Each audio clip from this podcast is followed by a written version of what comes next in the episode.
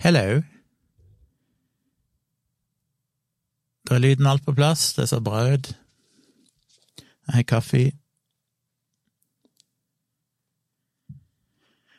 Og et glass med portvin for en spesiell anledning, som jeg skal snakke om seinere. Hei, Abelotti. Ser det er noen her inne, det er hyggelig, som alltid. Det er jo et uh, par dager siden sist jeg hadde livestream. Det var vel uh, Tid var det? Lørdag? Nei. Jo. Sånn er det. Jeg føler jeg sa det nylig, men det var ei uke siden sist jeg sa akkurat det. Men tid går så fort. Livestream på lørdag, og så er det samboerprat på søndag, og så er det dialogisk på mandag. Så det er søndag og mandag blir det ikke noe livestream. Men uh, det er tirsdag. Da er vi tilbake i vanlig rutine i mitt lille TV-studio, som det nesten føles som jeg har nå. Det begynner å bli såpass uh, avansert her. Hei, Sindre. God kveld.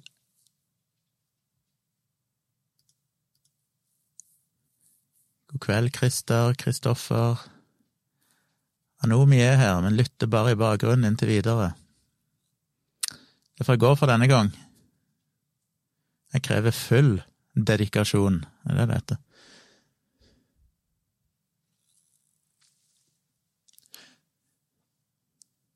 Men det er hyggelig å se at det er folk her på en eh, tirsdagskveld. Klokka er jo ikke så altfor seint denne gangen.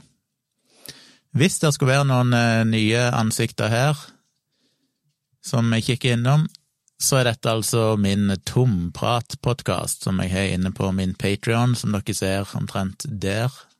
Der? Der? Nei, der. Jeg er dårlig i speilvendt koordinering. Eh, som det går an å sjekke ut hvis dere vil ha tilgang til mine foredrag og podkasten og lydbøker og litt andre ting. Sugleknog er her i kommentarfeltet. Det går an å skrive i livechatten, og der tar jeg imot spørsmål og kommentarer, tanker, til og med svar hvis det er noen som stiller spørsmål der dere har noen gode innspill å komme med til andre, som jeg eventuelt kan lese opp. Hanomi skriver at uh, jeg får velge mellom å la han uh, lage mat og leve med at han eller å leve med at han sulter i hjel halvveis i streamen. Jeg tror du overlever, men du skal få lov å lage mat uansett. God kveld, Solveig. Her var det nye ikoner, det nye Hva heter det? Nye profilbilder som ikke jeg har sett, på, sett før. Wikipedia. God kveld, Wikipedia og Sugleknug. Jeg ser at Solveig alltid gøy når det kommer med en eller annen emoji som ikke er støtta her, tydeligvis, for da kommer bare teksten 'chill with cat'. Prøver hun seg på en emoji som ikke jeg kan se. Mulig dere andre kan se den i livechatten. Holdt på å si jeg håper lyden er ok og sånn, men jeg begynner vel etter hvert å få såpass rutine at jeg stort sett ser at lyden er ok. K.O. Ovesen spør er det den stygg dyre portvinen du har snakket om i Dialogisk tidligere. Nei, dette er nok billigvarianten. Men det minner meg på at det er jo snart jul, og jeg pleier å ha som tradisjon at jeg bestiller den styggdyre portvinen til jul. Nå kommer ikke jeg til å nyte en alkohol eh, på julaften, for da er dattera mi her, men eh, det er jo romjul, og det er nyttår, da er vi aleine, så da kan det være det blir et lite glass. Solveig sier at emojien hennes er en liten katt som kommer ut av en eske. Det får ikke jeg sett. Per skriver god kveld, Gunnar, alltid stas med livestreamene dine. Takk for det, Per. Hyggelig å høre.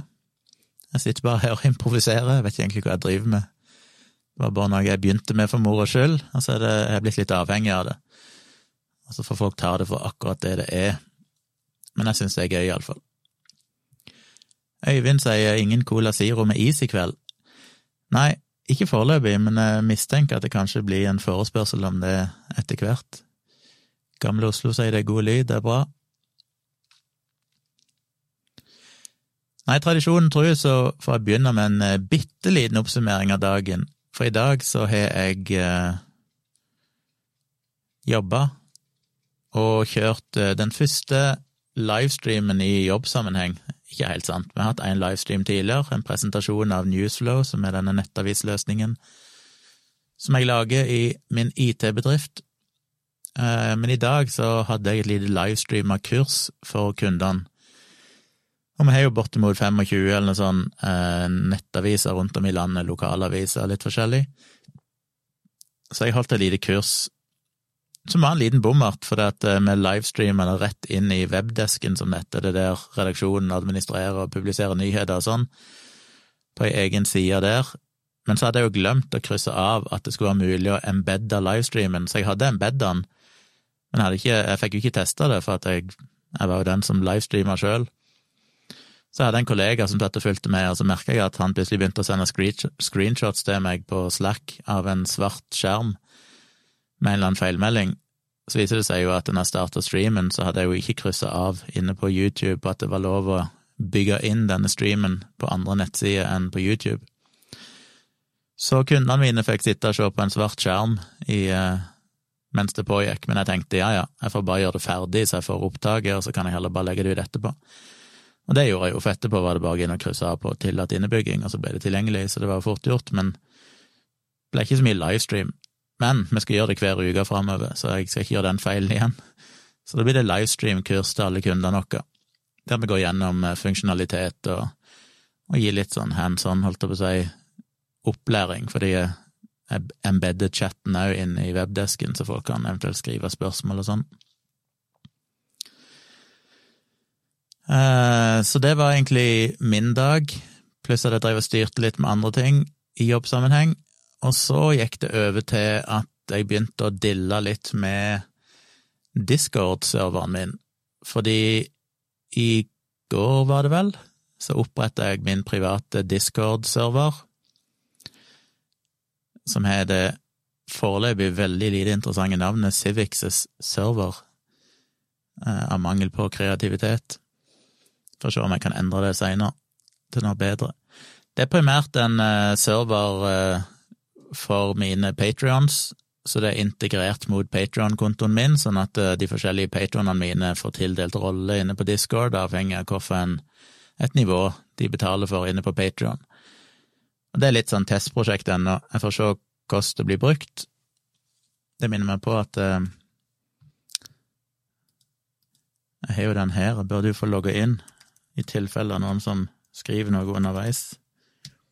Jeg har egentlig logget inn på en annen maskin, men jeg har ikke logget inn på denne maskinen ennå, så jeg skal bare gjøre det i full fart her. Ops. Sånn at hvis noen skriver noe der inne, så får jeg det med meg. Det kan jo være litt uh, gunstig. Sånn, da er jeg inne på discorden min.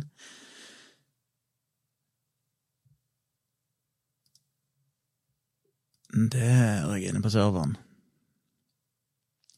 Så jeg er litt usikker på hvordan jeg skal bruke denne Discord-serveren min, som sagt. Eh, det er jo technically en server som vel ikke er lukka for andre, så det går an å for andre å komme inn. Men jeg kan så lite om Discord ennå at jeg er litt usikker på Det er vel ikke en public-server i den forstand, så jeg tror ikke folk kan finne den av seg sjøl, du må bli invita. Det får folk svare meg på i chatten her, hvis dere kan dette.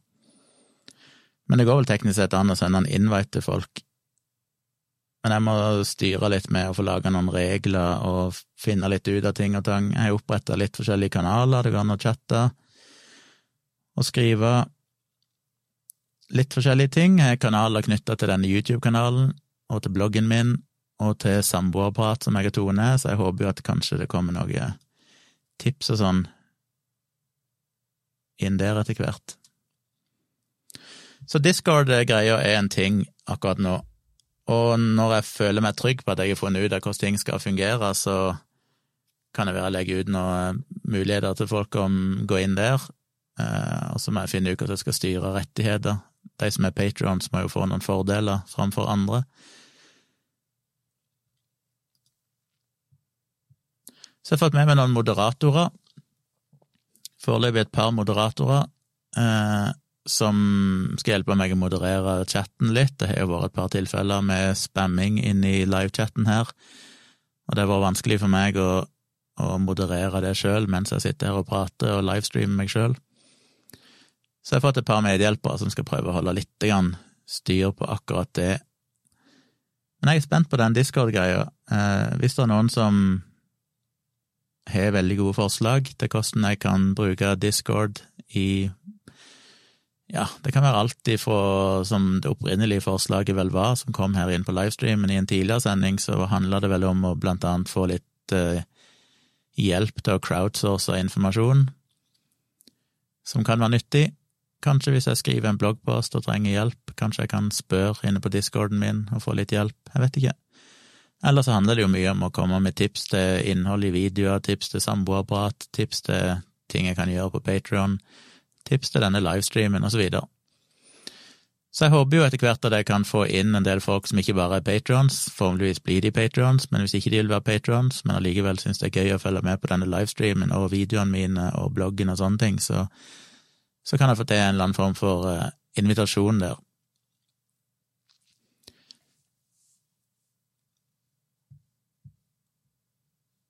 Uh, Wikipedia skriver jeg finner ikke lenger Kari Jakkessons video fra før demonstrasjonen. Er det slik at du har den lagret med tanke på at du reagerte på videoen?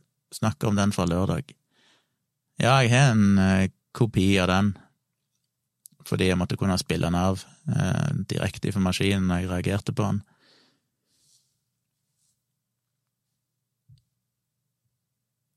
Christian sier at du må bli invitert, ja. Ja, var det jeg regna med. Det, er jo et styr med alle de rettighetene i Discord, å få holde tunga rett i munnen når han setter opp det.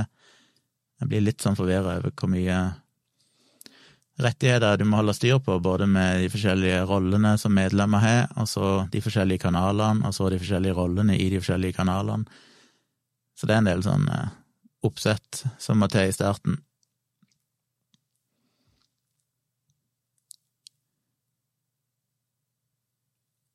Helsekost Fuglebrett skriver faderullan så kjekk på håret. Ja, det er kanskje første gang folk ser meg med en nyklipt. Jeg hadde det på Dialogisk i går. Ble kommentert der òg, selvfølgelig. Helsekost sier at han er hakkmeksehull, by the way. Nytt nikk, enklere. Ja, da kaller jeg deg bare for helsekost. Blir for langt å si helsekost fuglebrett. Men det er lettere enn å si hakkmeksehull. Suglekuk skriver til Helsekost Fuglebrett. Gratulerer med nytt, enklere nikk. Ja, det er litt lettere.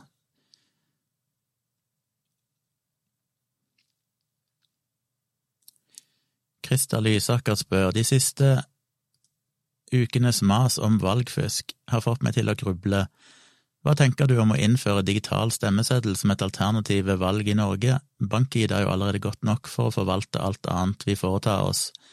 Så hvorfor ikke også bruke det til å stemme, det kunne kanskje fått opp valgdeltakelsen. Ja, det har jeg faktisk snakka litt om i en tidligere podkastepisode, det var vel før Enten var det en tidlig livestream, eller så var det før jeg begynte å livestreame, jeg husker ikke helt. Jeg tror kanskje det var før jeg begynte å livestreame.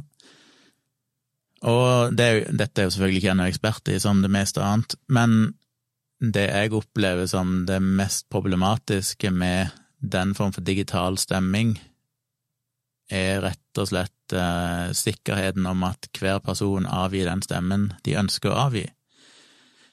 Fordi hvis du bor et eller annet sted, eh, kanskje har en veldig kontrollerende eh, partner, kvinne eller mann, og de da kan overvåke stemminga di fordi du sitter hjemme og stemmer via datamaskin eller mobilen ved hjelp av bank-ID-innlogging, så er ikke det nødvendigvis lenger en stemme som er helt korrekt. Og det er det jeg tror vi må huske på, at den prosessen med at du fysisk går inn i et valglokale og inn i en eh, bod, eller hva du kaller det, valgbod, der du står helt alene, og ingen kan vite hva du stemte, er jo den eneste garantien for at folk faktisk kan avgi en stemme som de virkelig står inne for.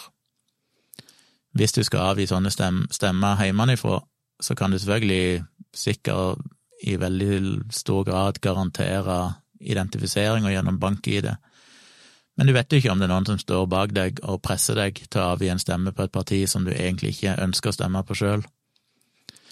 Så det er mitt største argument imot eh, mot det. Jeg eh, tror nok eh, det er en fordel å beholde det systemet vi har.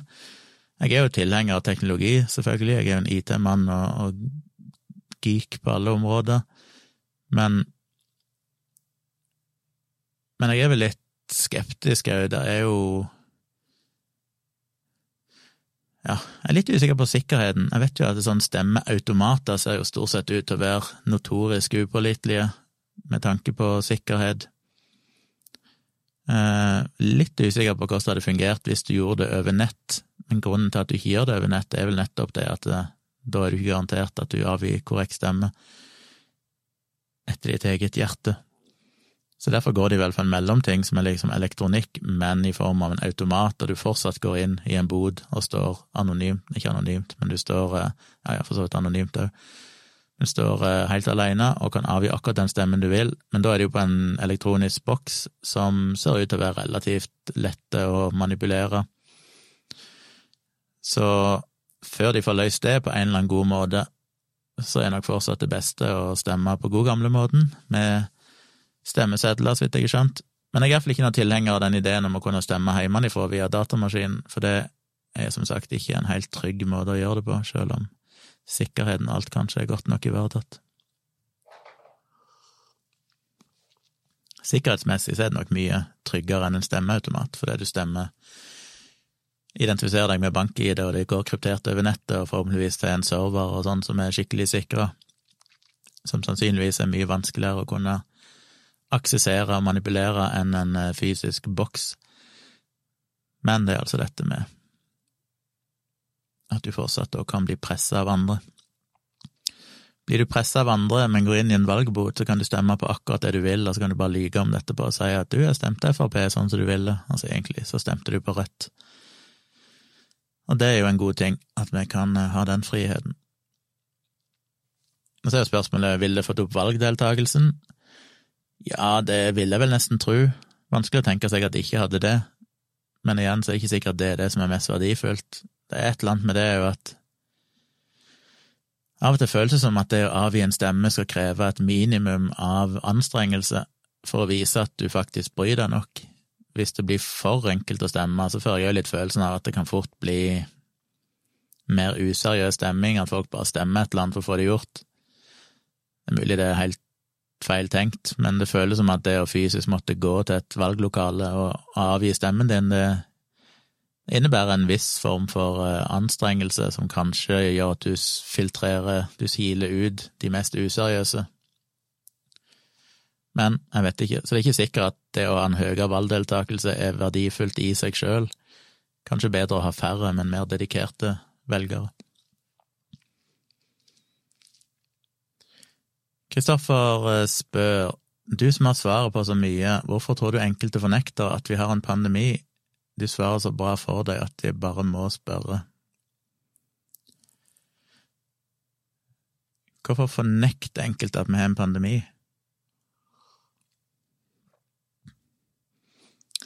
Det jeg har sett fornekta det, er vel jeg tror vel aldri jeg har sett noen fornekta det, bortsett fra folk som generelt sett òg tror på en del andre konspirasjoner. Og da koker det ned igjen til det jeg sier så ofte, det virker jo som at det handler mest om at folk vil være i opposisjon, eller de vil være kontrære, eller de vil være De vil ha følelsen av at de er den utvalgte med spesiell kunnskap som alle vi andre ikke skjønner, fordi vi er så dumme at vi bare lar ikke lede av myndighetene og følge saueflokken. Og så finner de selvfølgelig fragmenter av informasjon som de ofte har en tendens til å mistolke. De bruker jo den samme informasjonen nå, ser jeg, som de gjorde i 2009, da de hevder at uh, Verdens helseorganisasjon endra definisjonen av pandemi på et tidspunkt uh, der, som gjorde at de da kunne utløse masse vaksinesalg og sånn. Det skrev jeg om tilbake i 2010 eller noe sånt, i en bloggpost, og det ser ikke ut til å stemme. Eh, det stemmer teknisk sett vel at avgjørelsen ble tatt rett før, eller omtrent når svineinfluensa brøt ut, som kan virke mystisk, selvfølgelig, hvis du er konspiratorisk, men det en glemmer at sånne prosesser ikke når de kommer og samler seg rundt et bord en dag, og så sier de du, nå erklærer vi endrer vi definisjonen av pandemi. Det er et arbeid som vi starta flere år tidligere med prosesser, Eh, og så ble den endelige avgjørelsen tatt på et eller annet tidspunkt da, men det er ikke som at det var noe som kom ut av det blå. Dette er jo en, en lang prosess som ble starta lenge før noen ante at det kom til å komme en svineinfluensapandemi. Så den holder ikke, men det ser de bruker akkurat det samme argumentet fortsatt om eh, denne pandemien, at eh, det ikke er egentlig en pandemi, fordi definisjonen av pandemi ble endra for å kunne øke vaksinesalget og så videre som det jo ikke egentlig er hold i hvis du gjerne graver litt. Men det er sånn, det er ikke lett å finne ut av det. Jeg sleit jo med å finne litt ut av det, for det var ikke så lett å finne informasjon om det. Det er få som har tatt tak i det. Men etter å ha gravd litt rundt forbi, så fant jeg ut hva som var greia. Så det er, det er lett å finne den type informasjon som, hvis du ikke dykker dypere ned i det, kan virke som at det bekrefter dine ideer og så er det jo ofte en uh, antivaksineholdning som ligger bak. Jeg har vel heller ikke sett mange som fornekter pandemien, som ikke òg i utgangspunktet er anti-legemiddelindustri og antivaksine. Og Da vil det være naturlig å koble dem opp mot hverandre og si at pandemien er et skalkeskjul for at legemiddelfirmaene skal få solgt mer vaksiner og tjene penger. Eh, og Da kobler de det, og da virker det logisk for dem at pandemien sannsynligvis er et komplott så bortsett fra det, så har jo som sagt eh, vi gjerne gi eksempler hvis dere vet noen, men jeg ikke jeg kommer ikke på at jeg har sett sjøl noen som fornekter ideen om en pandemi, bortsett fra folk som allerede er konspiratoriske av seg og tror på andre ting som er mer eller mindre tullete, og folk som er antivaksine og antilegemiddelindustri. Jeg tror ikke jeg har sett folk som generelt sett er pro vaksine og ikke har noen andre type konspirasjonstenking gående som mener at dette ikke er en pandemi. Men så misforstår jo folk selvfølgelig hva en pandemi er. La meg google definisjonen av en pandemi.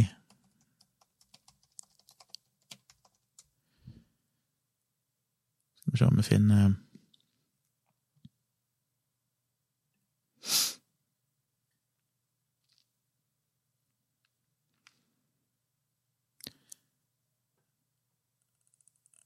Skal vi sjå Dette er en artikkel som ligger ute på Verdens helseorganisasjon sin hjemmeside, som ble skrevet, av, eh, skrevet tilbake i 2011, så det er vel i forbindelse med svineinfluensapandemien. Den har jeg lest før, vet jeg, men jeg husker ikke hva som sto der.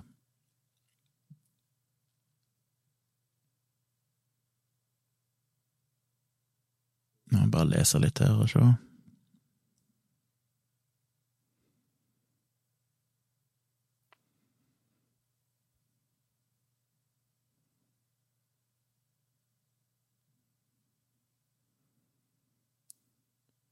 Var ikke lett å uh, sjekke Wikipedia, om de har en kort og grei, så jeg slipper å sitte her og lese så mye. Det er ikke så underholdende.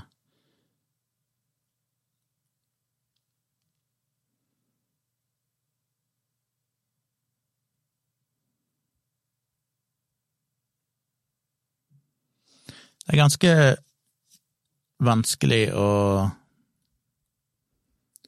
Altså, definisjonen pandemi en smittsom sykdom som har spredd seg over et stort område, for eksempel flere kontinenter eller globalt, og som rammer en betydelig andel mennesker.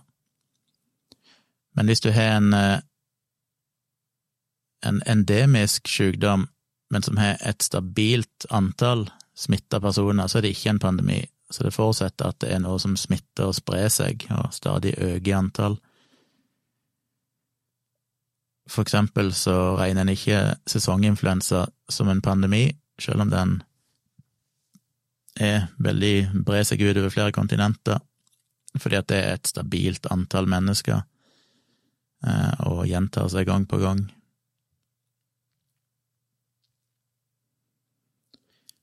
Og den skjer jo på mange plasser på kloden, relativt stabilt, uten å spre seg globalt, så den eh, er mer, mer sånn geografisk definert. Men nå har kontroversen vært at eh, noen tror at en pandemi per definisjon må si noe om hvor eh, farlig viruset er. Og de sier at hvis ikke viruset er veldig dødelig, så er det ikke en pandemi. Men definisjonen av pandemi har jo ingenting med dødeligheten å gjøre, det er kun utbredelsen av det.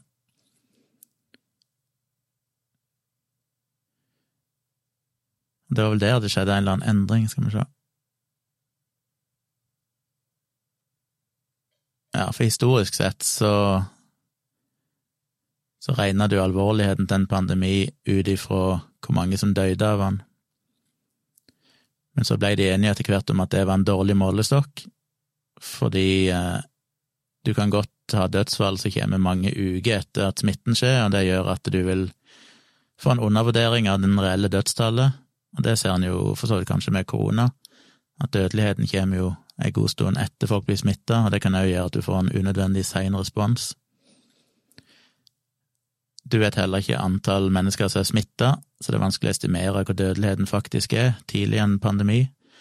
Og det er jo veldig sant for korona. Hvis vi hadde ikke erklært en pandemi før du liksom hadde en form for oversikt over hvor mange som faktisk døde, så ville det tatt flere måneder før en kunne erklære pandemi, og det ville ha gjort at pandemien ville bli vesentlig mer utbredt med desto høyere dødelighet. Så kan det òg være upresist å snakke om dødeligheten for en hel populasjon, for at det kan være subgrupper, for eksempel unge eller gamle, folk med kroniske tilstander, eller folk som tilhører spesielle minoriteter videre, som kan være ekstra hardt ramma. Sånn at selv om det totalt sett er et lågt antall dødsfall, så kan det være veldig høyt i enkelte grupper, som òg gjør at det å bruke dødelighet som målestokk ikke er så veldig bra. Eh, pluss til slutt at eh, det å bare se på dødelighet tar ikke høyde for alle de andre effektene av en pandemi, for eksempel at eh, mange er syke og ikke kan gå på jobb, som kan ha store konsekvenser for samfunnet, og ikke minst at du kan få et overbelasta helsevesen. Så hvis en bare så på dødelighet, som jeg tror de fleste av de som mener at dette ikke er en pandemi, de har en tendens til å måle det ut ifra den gamle definisjonen som handler om dødelighet, de tar ikke helt inn over seg hvor eh, farlig en pandemi kan være, selv om man ikke har så veldig høy dødelighet, som jo er for så vidt tilfellet med denne koronapandemien.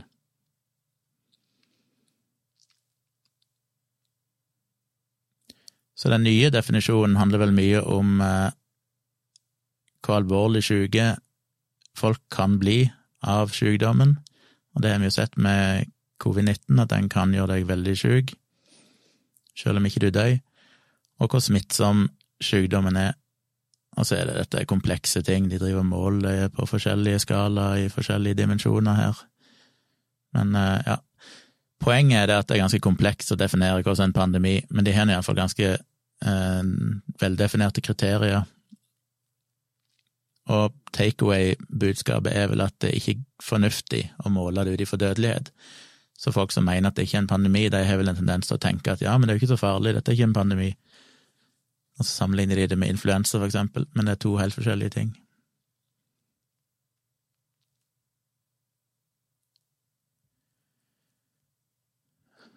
Helsekost kommenterer det Sveismen du kommenterer når du kaller elsekost Kåss i en litt mer snacksy versjon. By the way, søkte om time for ID-kort, gjorde det selv i stad, skal dit neste uke, kjekt med et eget ID-kort, slipper å ta med lappen på byen, etc. De har jo snakket om ID-kort i Norge i fem til sju år, så det var på tide. Nei, det har jeg ikke tenkt på engang, jeg har ikke fått med meg omtrent at det har vært en diskusjon. Hva trenger jeg et ID-kort til? Jeg har jo lappen, ikke det godt nok? Ikke den like liten og hendig? Fungerer ikke lappen i utlandet? Nei, det kanskje ikke det. Men han reiser seg jo alltid passet uansett, så Ja, kanskje det, men det blir jo enda et kort å dra med seg. Jeg føler jeg har så mye kort allerede.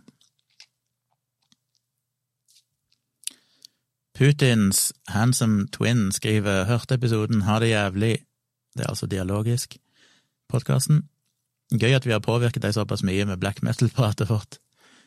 Ja, det ble jo både en rant på livestreamen her, og så et par dager seinere ble det en dialogisk rant med en del gjentagelse, men sånn er det. Men det var gøy, det. Jeg ble jo inspirert til å se den eh, helvete-dokumentaren, og da måtte jeg jo prate litt om det. Gamle Oslo spør eh, kanskje dere kunne invitere Patricia Aas en gang på Dialogisk. Hun har skrevet mye om dette.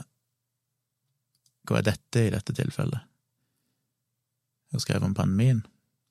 Jeg følger henne på Twitter, så, men jeg kan ikke helt huske i farten Føler det er mest programmeringsgreier hun driver og skriver om. Men ja, det skal jeg sjekke ut, og se om hun har skrevet noe om det. Olav spør tanker om M1-chipen fra Apple, er dette disruptiv innovasjon? Jeg tror vi skal plage folk mer med Apple-prat, jeg har vel egentlig snakket om den M1-chipen i en del tidligere livestreams, som jeg synes virker veldig, veldig spennende, og er til, for, til forskjell fra de fleste andre sånne oppgraderinger som jeg har opplevd i løpet av de 30 årene jeg har drevet med data, så er det jo som regel at en maskin er 20% raskere eller 30 raskere eller noe sånt, og så plutselig kommer de med en maskin som har liksom dobbelt så lang batteritid, og på en del ting kan være tre til seks ganger raskere og sånn, som er ganske ekstremt. Så for meg så er det jo nesten sånn paradigmeskifte i bruken. Når du hører de testene de gjør, og ser hvilke tester de driver med, sett en del YouTube-videoer, så er det ganske insane hva den M1-chipen faktisk kan gjøre. Så jeg gleder meg veldig til å få en eller annen M1-basert maskin på et eller annet tidspunkt. Kristoffer skriver vi kan si det på en annen måte, de tror ikke denne pandemien er farlig, de ser på dødsprosent uten å tenke på smitteverntiltakeffekt. Ja, det var vel egentlig oppsummert det jeg eh, prøvde å si. Sugleknug skriver til Kristoffer noen mener at de som er mottakelige for ideer hvor fornektelse av pandemier er sentral, er i samme demografi som dem, dem som hadde utbytte av aerobic-TV på 90-tallet. Ja, jeg aner ikke hva du sikter til. Gjert skriver uttale pandemi, etymologi av pan, altomfattende og gresk demos, folk. Ja.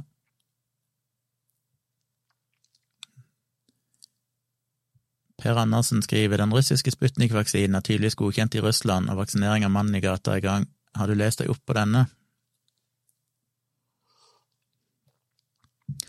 Nei, jeg har ikke lest meg veldig opp på den.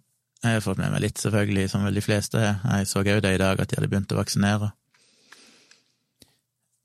Jeg vet ikke om det kom noen nye data. De siste dataene jeg så, de var jo veldig eh, svake, og ville ikke blitt godkjent i EU eller USA. Da var det vel noe sånn som 20 personer eller sånn som var smitta i den eh, kontrollerte studien, og det gir såpass stor usikkerhet at det er vanskelig å si hvor effektiv vaksinen er. Men gudene vet. Jeg vet ikke noe mer om det, egentlig. Jeg er vel eh, glad at ikke den sannsynligvis Eller, han blir jo ikke godkjent her, men det har ikke blitt søkt om godkjenning heller, så vidt jeg vet. Men jeg tror jeg hadde vært temmelig skeptisk til å ta en vaksine med såpass svake data foreløpig. Anomi skriver har fått inntrykk av at det ikke blir gjort et klart skille mellom epidemi og pandemi i dagligtalen, synes alltid at begrepet nasjonal pandemi høres rart ut. Ja, det er jo en ehm, Det er jo et begrep som egentlig ikke gir noe mening. Det er jo en selvmotsigelse, du kan vel ikke ha en nasjonal pandemi? Du kan ha en nasjonal epidemi. vil jeg tro. Men en pandemi er jo per definisjon noe som må ramme sannsynligvis flere kontinenter, selv om det ikke er strengt definert, men det må ramme et stort område. Og spre seg, og være smittsomt, og føre til alvorlig sykdom. Anomi skriver, eller det må kanskje ikke føre til alvorlig sykdom, jo, det må vel egentlig det, for ellers belaster det ikke helsesystemet, men det må ikke være dødelig, nødvendigvis, i stor grad. For slik jeg oppfatter det, er, epidemi, er det epidemi man bruker om det når det gjelder et mer avgrensa område. Ja, et epidemisk utbrudd er jo et begrensa område. Så lurte jeg på om det er en mellomting. Nei, det er kanskje bare epidemi, og så er det pandemi. Ja.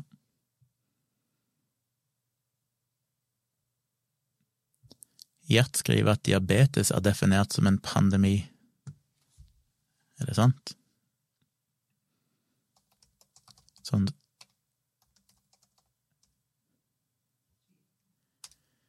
Skjønner at folk kan bruke det i dagligtalen, som de sier det er en pandemi av autisme eller en pandemi av whatever, men la meg se hva Verdens helseorganisasjon sier.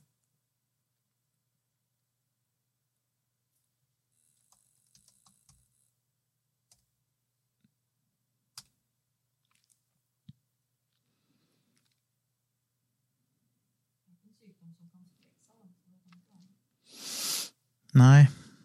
Jeg ser de omtaler det som diabetes is a pandemic, men jeg tror nok det er mer uh...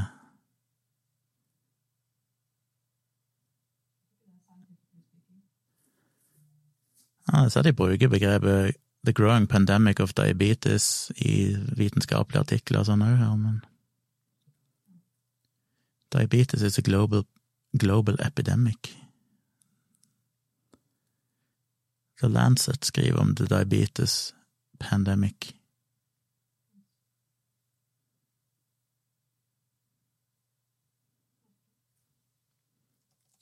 Hvordan faller det under definisjonen?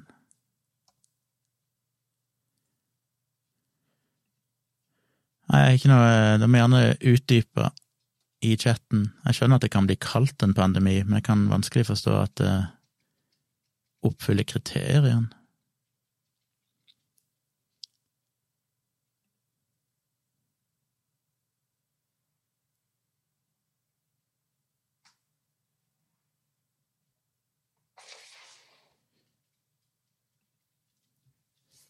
Det var nytt for meg.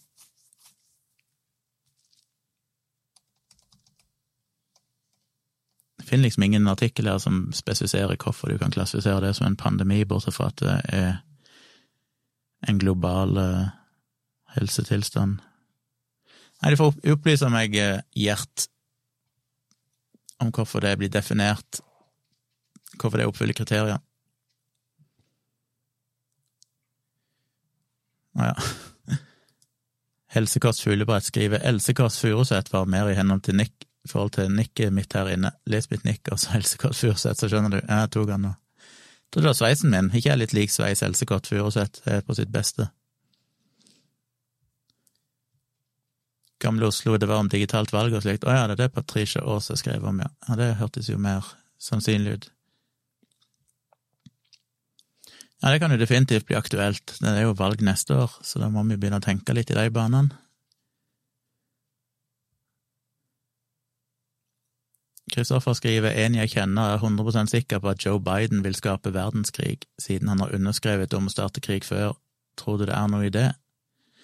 Det kan jeg aldri tenke meg, men jeg igjen ikke den rette personen å spørre, for jeg har ikke noe inngående kjennskap, men det vil jo Det er jo eh, De fleste presidenter har vel underskrevet om å starte en eller annen krig i USA, uten at det betyr at de vil starte skape en verdenskrig.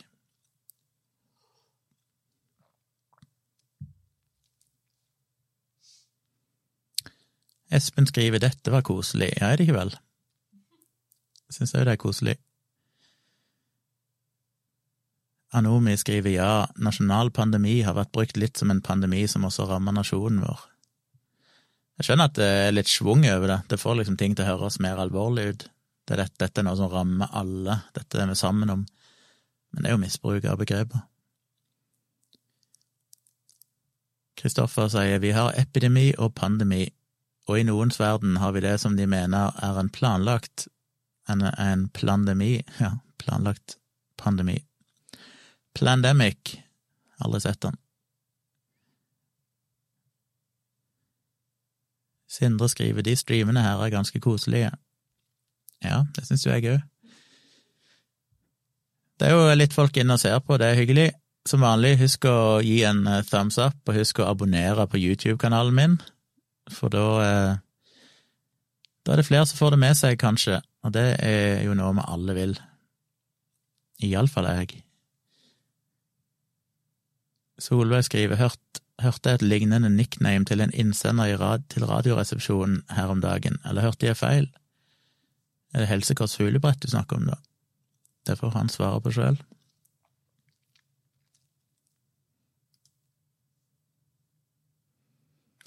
Og det er nå jeg alltid blir overraska, for når jeg ser på klokka nå, ser jeg at jeg har holdt på i nesten tre kvarter, og så føler jeg sånn Starta jo akkurat. Skjønner ikke hvordan det kan ha gått tre kvarter. Det er jo helt uh, merkverdig. Zepkin, eller Jepkin, eller hva det er, spør hei, husker du meg? Ja, jeg husker navnet. Klarer ikke å skille dere helt ifra hverandre alltid, hvem som sier hva. Glenn Ronash. Hei, Glenn Ronash, welcome back. Dere må svare meg når denne livestreamen går live, eller når jeg legger den ut. Får dere en mail da, hvis dere abonnerer på kanalen og har skrudd på varslinga? Jeg er litt usikker på hvor mye varsling som går ut. Kommer det en notification i appen? Får dere en e-post? Tror jeg får en e-post sjøl når jeg setter i gang livestreamen. Da får jeg en mail om at jeg starter livestreamen fordi jeg abonnerer på min egen kanal, holdt jeg på å si, fordi jeg er en del av min egen kanal.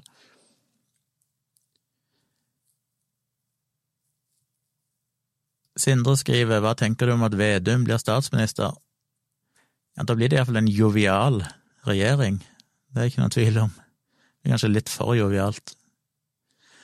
Nei, jeg er nok litt skeptisk til Senterpartiet med for mye makt. Ikke at Senterpartiet er det verste partiet, men de er relativt Jeg er jo en del lenger ut på venstresida enn Senterpartiet, sjøl om det er nok ikke det verste som kunne skjedd.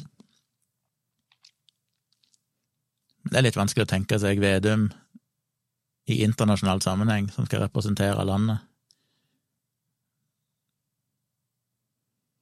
Men det kan ikke bli verre enn den der eh, engelsken til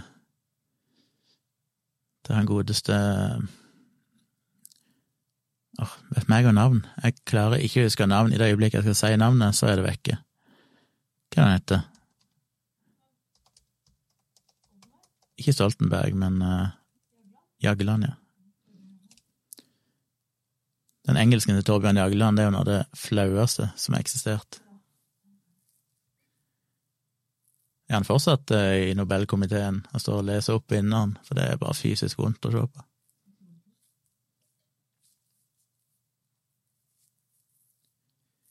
Sugleknug skriver, bare for å understreke det, for alle spør samtidig. Han var det rett før, tror jeg. Sugleknug er ikke et navn, det er en tilstand. Skal jeg google sugleknug for å se hva som dukker opp her?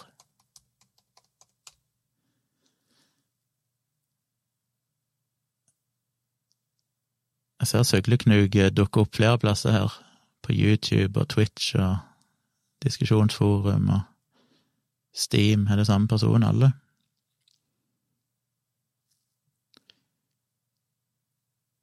Nei, jeg fant ikke noen kjapp definisjon av det her. Erik skriver ordspillet Else helse har hun brukt mange ganger selv. Else-direktoratet og så videre. Jeg har ikke noe godt ordspill på mitt navn. Veldig kjipt. Glenn Nash ser bare tilfeldigvis på YouTube.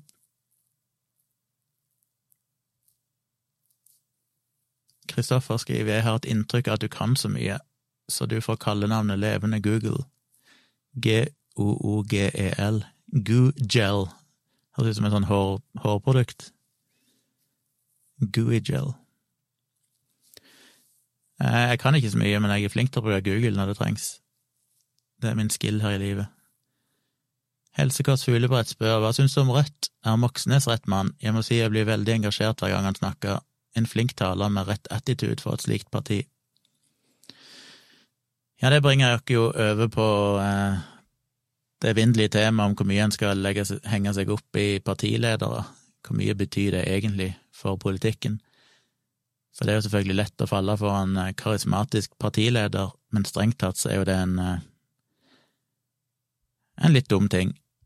Du kan jo ha en forferdelig politikk og ha en fantastisk leder som er flink til å presentere politikken på en måte folk liker, og så men kanskje enda verre motsatt, at du kan ha en fantastisk politikk, men ha en dårlig leder, og så får du ikke stemme, som er veldig synd.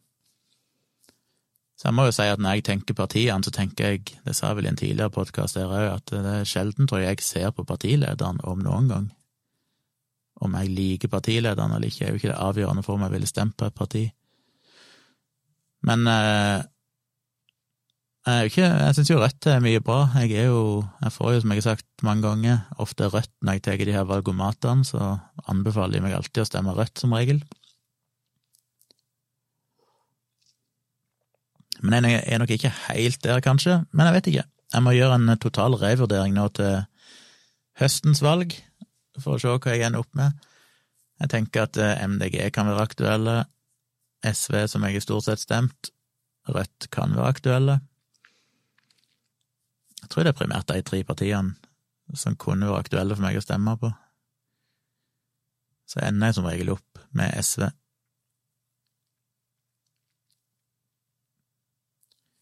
Shepkin spør er du antikapitalistisk.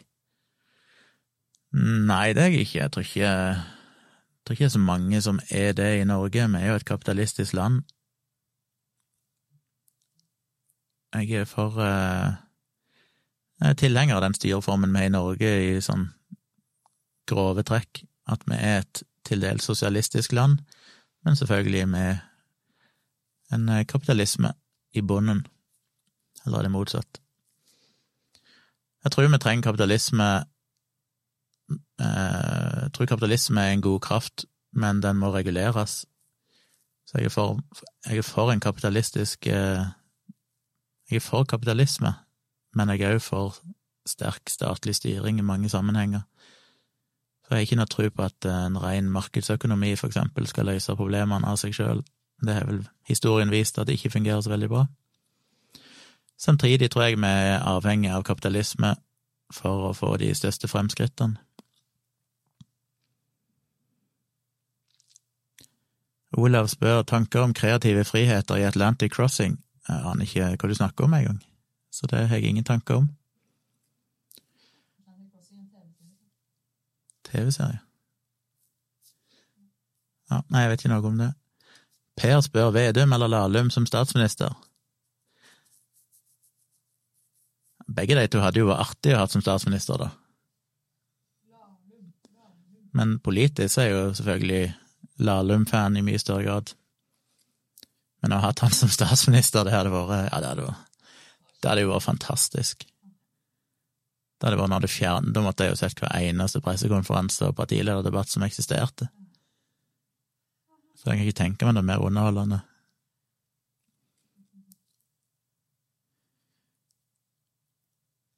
Maria skriver 'for en mail når du har lagt den ut'. Det er bra, da funker jo det, i det minste. Da er det jo bare viktig at folk abonnerer på kanalen og passer på å trykke på den der bjella på sida av abonner-knappen og sjekke at dere har skrudd på alle varslinger. Anomi skriver sjekka nå, fikk ikke mail, men jeg bruker ikke gmail-kontoen YouTube er knytta til noen steder lenger, så jeg hadde ikke fått med meg uansett.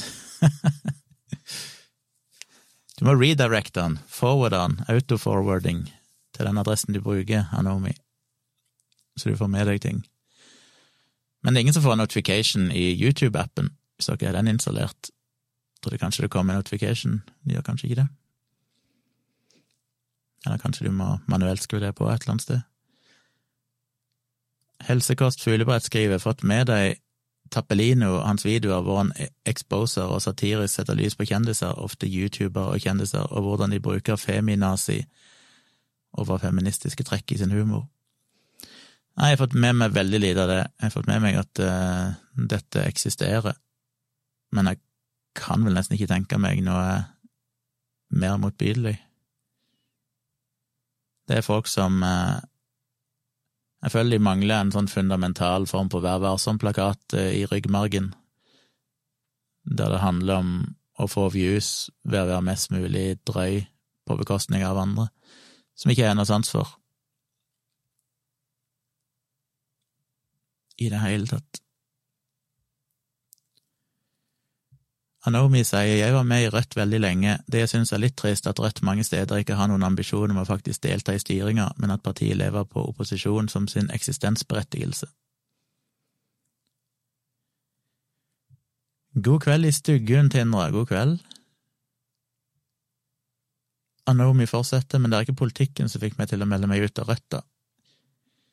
Maria Maria sier jeg får ingen melding om livesendingen, da må jeg inn og sjekke på YouTube. Hm. Da er det viktig at folk iallfall sjekker mailen sin. Anomi skriver jeg vil se Johan Golden representere Norge som statsminister for alliansen. Johan Golden, ja, han har nesten glemt vekk at han eksisterer fortsatt. Erik skriver det synet på kapitalisme er vel selve definisjonen på en sosialdemokrat. Ja. Allikevel ville jeg ikke stemt Ap, men jeg syns SV har en eh, grei balanse. Og det er der jeg er litt usikker på Rødt, om det går for langt. Men eh, Jeg må lese meg opp igjen. Jeg må, før hvert valg så må jeg sette meg inn i det på nytt for å se hva, hva er det egentlig disse partiene mener.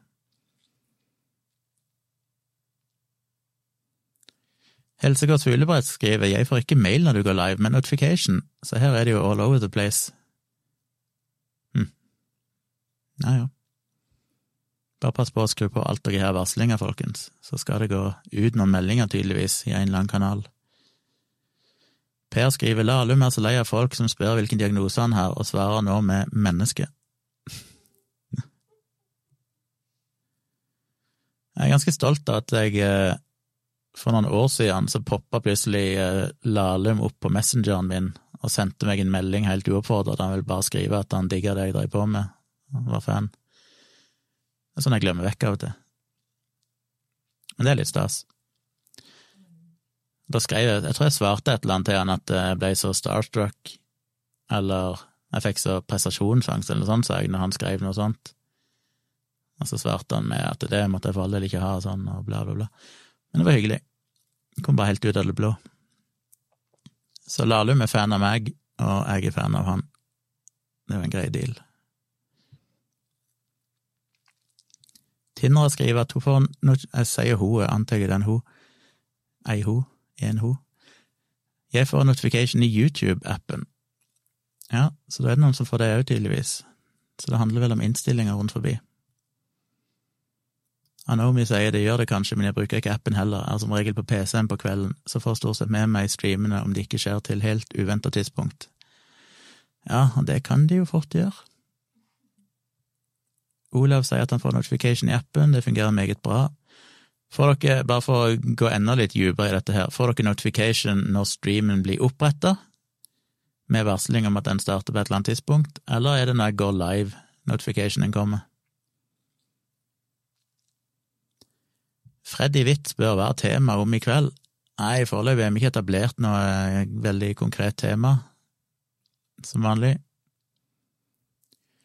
Gamle Oslo spør hvilken side tar du i den bisarre konflikten på ditt hjemsted? Jeg tar egentlig ikke noe spesiell side, for det er ti år siden jeg flytta derifra, og jeg eh, har virkelig ikke veldig sterke meninger om det, bortsett fra den ene tingen som jeg har sagt tidligere, at jeg tror nok òg at Sirdal hadde hatt godt av å, å slå seg sammen eh, med andre kommuner, fordi det er et veldig lite sted med få folk, og det er veldig ofte de samme som sitter og styrer veldig lenge, og det er veldig mye interne stridigheter og mye trynefaktor og sånn, som det naturlig nok blir på små steder, der alle kjenner alle, og alle har en feide med naboen. Og... Så det er bare å få flere mennesker inn i kommunestyret, altså flere å velge mellom fra forskjellige større geografiske områder, sånn at det ikke er så stor sjanse for at folk alltid er naboer eller vet hvem de skal hate, fordi at eh, oldefaren deres hadde en feide over en sau som ble drept i 1839. Det tror jeg ikke er så heldig. Og så har de altfor mye penger, og bruker de til dels uansvarlig, etter mitt syn.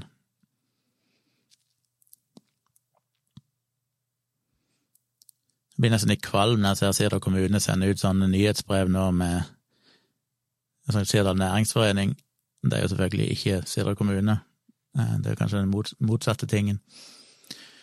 Men eh, når Sirdal kommune går ut og oppfordrer til å handle lokalt og bruke lokale bedrifter i disse vanskelige tidene, så er jo det er jo en kamp vi kjempa i ti år, å prøve å få Sirdal kommune til å, å handle lokalt, men det var de ikke så gira på.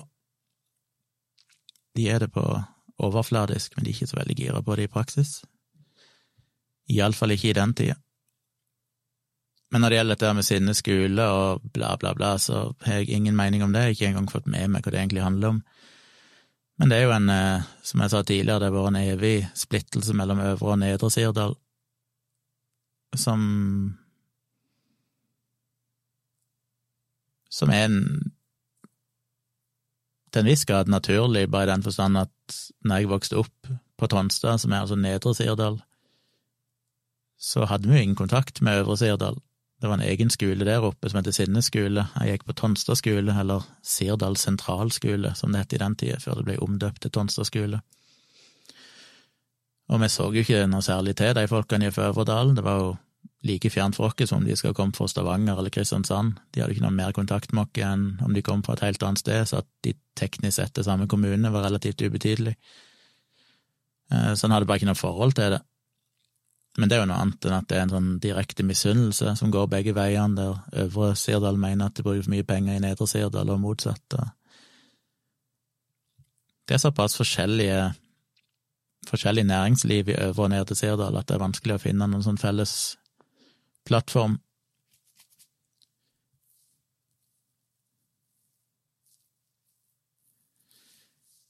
Kristoffer sier jeg satt og tenkte på noe i går. Når noen kommer med en påstand, og man legger fram masse bevis på at den påstanden ikke stemmer, og de fortsatt påstår det, kan det kalles fornektelse? Ja, i utgangspunktet kan det det, men det er jo noe vi alle gjør enten vi er klar over det eller ikke. Det handler jo om at vi er hjernen er på en måte sånn eh, skrudd sammen at det ofte er vanskeligere å akseptere ting som ikke resonnerer med den informasjonen du allerede har. Det krever veldig mye mer av folk, og rent intuitivt vil det ofte oppleves som feil.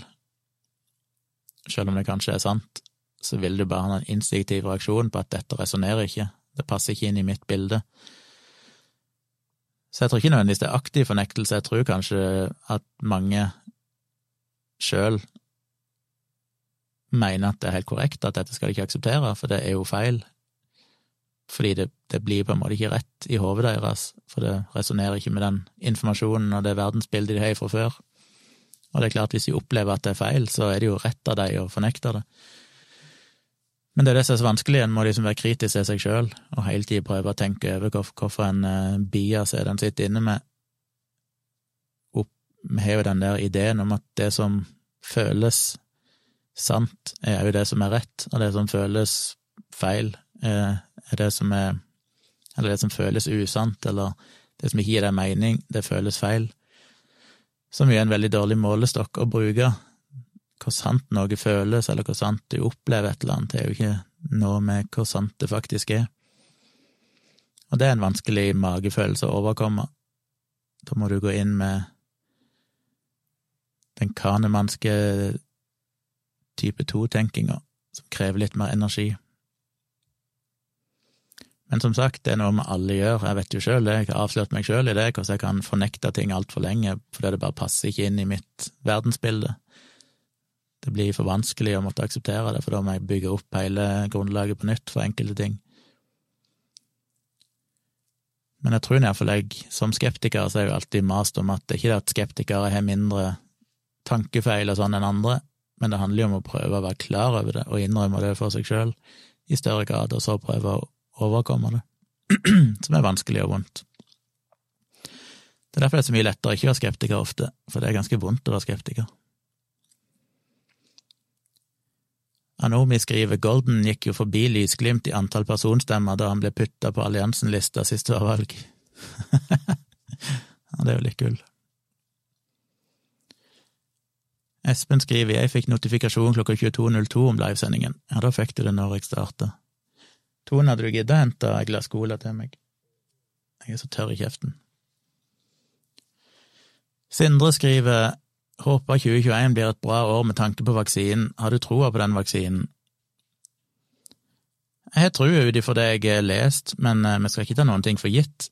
Nå ligger han vel an til at en godkjenning kanskje kommer i romjula, hvis han kommer.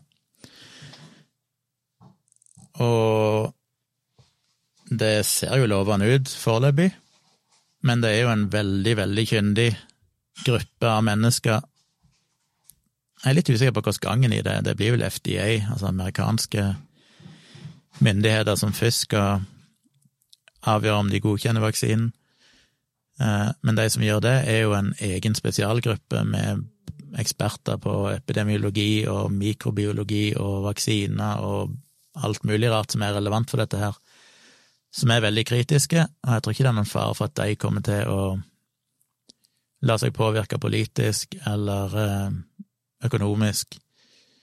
Så jeg tror nok at den avgjørelsen de tar, vil være basert på et veldig, veldig godt vitenskapelig grunnlag, og hvis ikke de føler de har gode nok data, så kommer de til å be om mer data, eller be om klargjøring i data. så jeg føler meg nok ut ifra det jeg har lest, og da vil jeg gjerne anbefale en blogger som heter Jeg kaller han blogger, men han er vel en eller annen vitenskapsmann. Jeg er litt usikker på hva bakgrunnen hans er. Men han har skrevet mye om vaksiner og forskjellige ting, som kaller seg for Skeptical Raptor. Jeg tror det er skepticalraptor.com. Han har skrevet en del bloggposter i det siste òg og Han har skrevet veldig mye om HPV-vaksinen, så jeg har fått mye god informasjon fra hans eh, blogg om den. Men han har òg skrevet mye om disse koronavaksinene i det siste, så dere sjekker ut skepticalraptor.com. Eneste plagsomme med den bloggen er at den er så full av reklame at det er av og til vanskelig å manøvrere. Mm. Der kom colaen på plass. Så jeg er nok optimist. Han har jo hatt en eh, effektivitet som er over all forventning, med 95% på de to første vaksinene. Så det lover jo veldig bra, og foreløpig så er det ingen data som er blitt offentliggjort, i hvert fall, som tyder på at det er noen uventa bivirkninger. Så jeg eh, er nok optimist, men jeg tror vi skal ikke være for optimistiske med tidsaspektet. Vi hører jo hele tida om at vi kan begynne å vaksinere folk allerede i januar, men jeg tror nok eh, for folk flest så tror jeg ikke vi skal legge noen særlige planer for første halvår, iallfall, av 2021. Det tar sin tid å få vaksinert folk.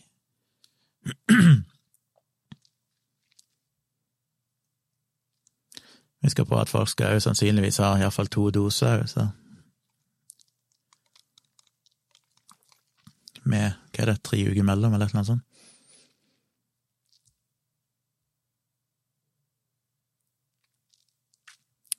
Helsekåss Fuglebrett skriver Lahlum som faller av stolen klippet vil aldri bli gammelt. Nei, det er jo en klassiker. Virker som en fin type, sær, men jævla kul også. Han er veldig, veldig sær. Jeg har vel aldri møtt han, men uh, jeg har ei Eller hadde ei som jeg ikke har hatt kontakt med på lenge, men ei venninne som, som var politisk aktiv i hans område og, hadde en del med han å gjøre og jeg tror hun kunne bekrefte at han var veldig, veldig sær. Men en bra mann. Helsekår skriver når du går live, kommer notification. Ja, det var det jeg mistenkte. Jeg tror jeg òg får mail til meg sjøl, som jeg oppdager etter jeg er ferdig, alltid fordi han kommer når jeg går live. KO skriver får notification når streamen går live her også. Anomi sier på selve nettsida fikk jeg varsel både en halvtime før streamen og da streamen starta. Og da er det bare å holde oppe nettsida, folkens. 24-7. Sindre skriver jo at han får notification når jeg går live i YouTube-appen. Ja, det går mye i det samme her. Poenget er iallfall at det går ut notifications, så jeg kan ikke gjøre så mye mer enn det. Da er det opp til dere å aktivere det der dere kan, og følge med. Helsekost skriver sliter du med å snakke dialekten fullt ut når det er ti år siden du flyttet fra Sirdal, har bodd i Oslo i åtte år og merker det kommer en del ikke når ikke egentlig er mer, egentlig er mer naturlig. Ja, jeg legger nok om en del ord, jeg tror ikke jeg har lagt om ikke, det blir å trekke det for langt, men eh, jeg snakker jo litt i gåsehud finere, som folk vil kalle det, og det er jo, holdt jeg på å si, det er delvis en yrkesskade, fordi vi har kunder i hele landet, og jeg eh, satt mye på supporttelefon tidligere, og da måtte jeg legge om til en sånn helt annen kvasi-østlandsk dialekt for at de i det hele tatt skulle forstå meg over telefonen. Så da fikk jeg en sånn automatisk mekanisme med at med en gang jeg tok imot en telefon, så la jeg om dialekten min. Jeg har gått litt vekk ifra det nå, tror jeg. Men eh, det kommer litt an på. Jeg har hatt noen sånn forferdelig situasjon. Jeg vet ikke om dere opplevde det samme, men jeg husker før jeg flytta til Oslo, jeg bodde på Tonstad og drev IT-firma der, så skulle jeg ha møte med et firma i Oslo som skulle bruke oss til noe webutvikling og design. Og så husker jeg jeg kom inn på møtet, og så tror jeg det var tre damer eller noe sånt. Og så begynte jeg å snakke på en dialekt som var helt, helt upassende, helt ulik meg. Jeg begynte å snakke på sånn veldig sånn kvasi-østlandsk, og så klarte jeg ikke å komme ut av det. For når jeg først hadde begynt på det, så måtte jeg liksom bare fortsette, og så ble det bare vondere og vondere, for det var så ekstremt i forhold til det jeg Jeg mener, nå kan jeg bruke et annet ord, jeg sier finere, men da begynte jeg bare De må ha tenkt jeg var helt hjerneskada. Endte opp med å få en avtale med de, så de var jo kunder hos oss, Men jeg, følte, jeg var altså så utslitt etterpå, for at jeg ble fanga i, i min egen løgn, på en måte. Og det, det, var sånn, det var ikke noe tidspunkt jeg kunne plutselig legge over til en helt annen dialekt. Når jeg først hadde begynt med den dialekten, som jeg egentlig ikke mente å begynne med, men jeg, jeg tror det var den der telefongreia som hadde fanga meg, så når jeg hørte østlandsfolk, så begynte jeg plutselig å snakke en sånn merkverdig dialekt, og det var altså så vondt å sitte der i en time med de og bare gjøre meg til, uten at jeg egentlig ønsker det. Men ja, jeg, jeg sliter jo litt med å snakke dialekten min fullt ut, det gjør jeg nok.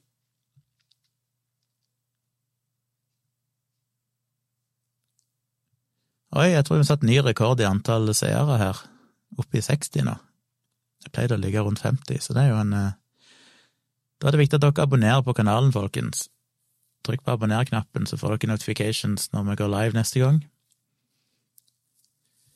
Sugleknug skriver at jeg fikk ingen notification i appen, men et lynnedslag i Tujaen som nå står og brenner utenfor kontorvinduet.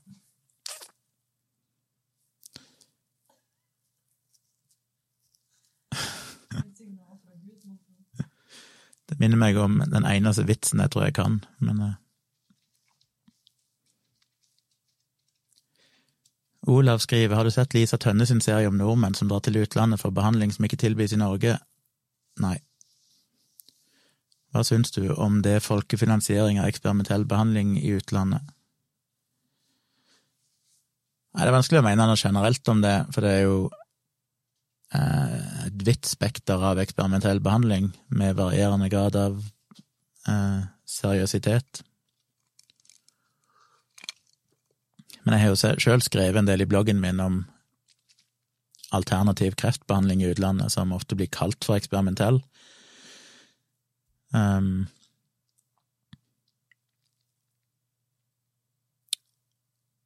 og igjen, meg og navn Satt helt stille for meg her. Må bare google og finne navnet hans. Bursinski. Jeg kom på den, jeg skal til å skrive det. Stanislav Bursinski er jo en kjeltring i USA som driver med noe han kaller for antineoplastionbehandling, eh, som er et eller annet stoff de utvinner av urin og sprøyter inn i blodet, som eh, ser ut til å ha drept en del folk og neppe har noen effekt, men selvfølgelig så finnes det folk som mener de er blitt bedre, og han har drevet på i evigheter med dette, og har registrert det. Han får lov å gjennomføre det fordi han har registrert det som kliniske forsøk, som liksom eksperimentell behandling. Men han kommer jo ingen vei med den forskningen, den bare fortsetter og fortsetter, fortsetter, for han har jo ingen ambisjoner om å faktisk finne noen konklusjon av dette, for det vil jo vise at det ikke virker, men så lenge han kaller det for kliniske forsøk, så får han lov å fortsette.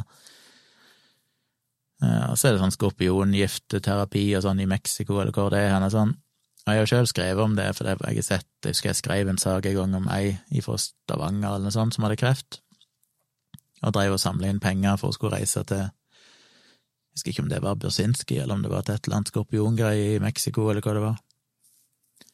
Og det er veldig, veldig trist, syns jeg, for det er jo ting som helt åpenbart ikke fungerer, og mange mennesker bruker mye penger på å sende de av gårde der, som noe av det siste de gjør før de kreperer som jeg syns er det, det, er en sånn vanskelig ting, da, for de må jo få velge sjøl.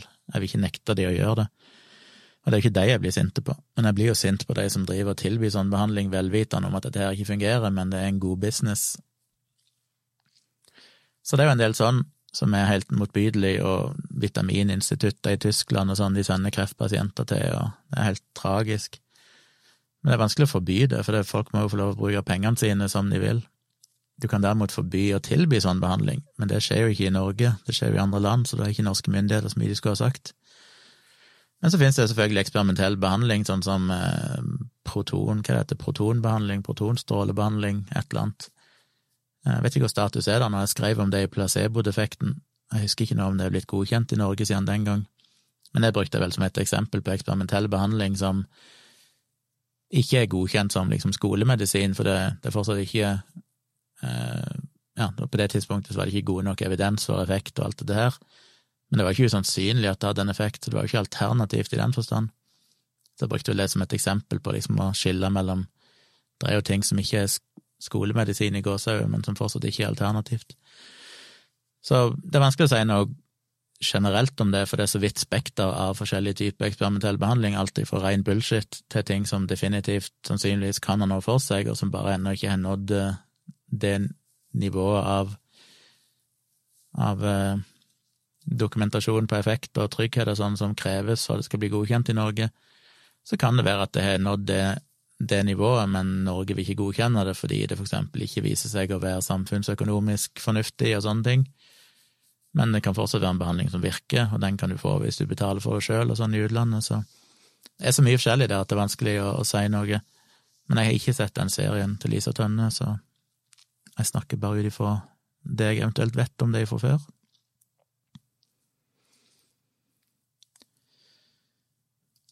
Fornavn etternavn skriver Hva er dine tanker rundt de nye nasjonale ID-kortene, med tanke på at man har pliktet til å bære ID, men kortet koster 500, ikke all verden, men burde det ikke vært gratis når man har pliktet?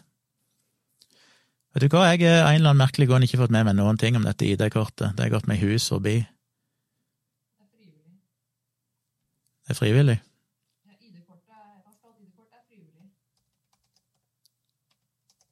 Skal google det for å vite hva jeg snakker om her.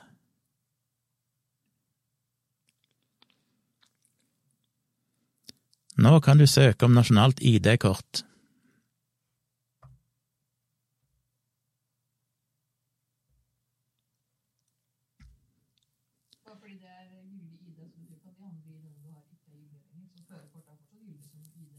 Ja. Nasjonalt ID-kort kan brukes når du trenger å legitimere deg. ID-kort er samme størrelse som et bankkort er praktisk å ha med seg.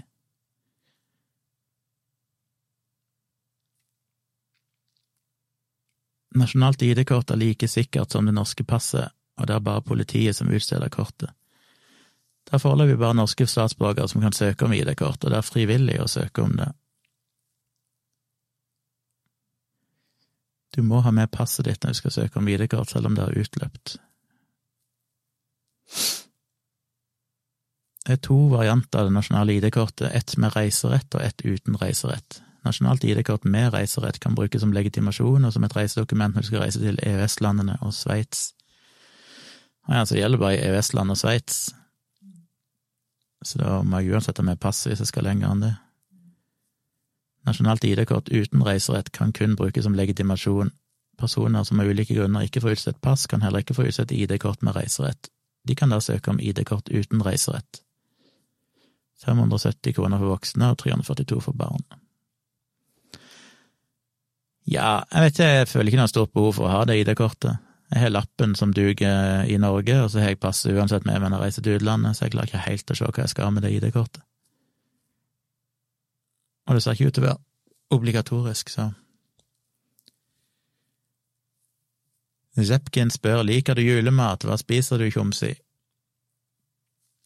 Eh, er klart jeg liker julemat. Jeg liker pinnekjøtt. Jeg liker jo ribbe òg. Men det er ikke noen sånn tradisjon for å spise ribbe, det er bare noe jeg spiser de siste årene hvis jeg er på et eller annet julebord eller noe sånt. Veldig glad i kalkun. Jeg er halvt engelsk, så vi har alltid hatt kalkun på første juledag, fordi mamma ville ha kalkun da, av tradisjon. Og ellers så Jeg er glad i mat generelt sett, så Hva ville du bli når du var ti, nei, når du var lite i? Da ville jeg bli lege. Det ville jeg helt fram til jeg var 18 år, og hadde søkt på medisin og alt, og så plutselig kom internett i 1993, eller World Wide Web, begynte å bli en greie. Og så switcha jeg i siste liten over til informatikk, bare for at da kunne jeg få tilgang til terminalstuene på Blindern et halvt år tidligere. Hvis jeg hadde gått medisin, så måtte jeg først ha tatt et halvt år med X-Fill og noe greier før jeg fikk tilgang til terminalstuene. Men hvis jeg studerte informatikk, så fikk du de for dag én. Og det var nok til at jeg gikk ifra et liv der jeg hadde planlagt å bli lege ifra jeg var nevestor, og tok kjemi som privatist og alt mulig bare for å ha alt jeg trengte for å bli studere medisin, så ble det ikke noe av det. Maria Maria spør hvor er den grønne, fine planten din? Ja, sa hun, og nå glemte jeg å switche tilbake kameraet. Eh, hun la merke til det, ja. Den måtte jeg ta vekk, fordi at den eh, tror jeg ikke trivdes så godt der inne fordi at det er såpass mørkt. Han fikk ikke nok lys, for jeg glemmer å liksom ta opp gardinene, plutselig er det litt upraktisk å oppe gardinene for å få lys inn på dataskjermen. Så vi flytta han ut i ren medlidenhet, så han står i stua foran et vindu der han får litt mer lys, så vi se hvordan det går.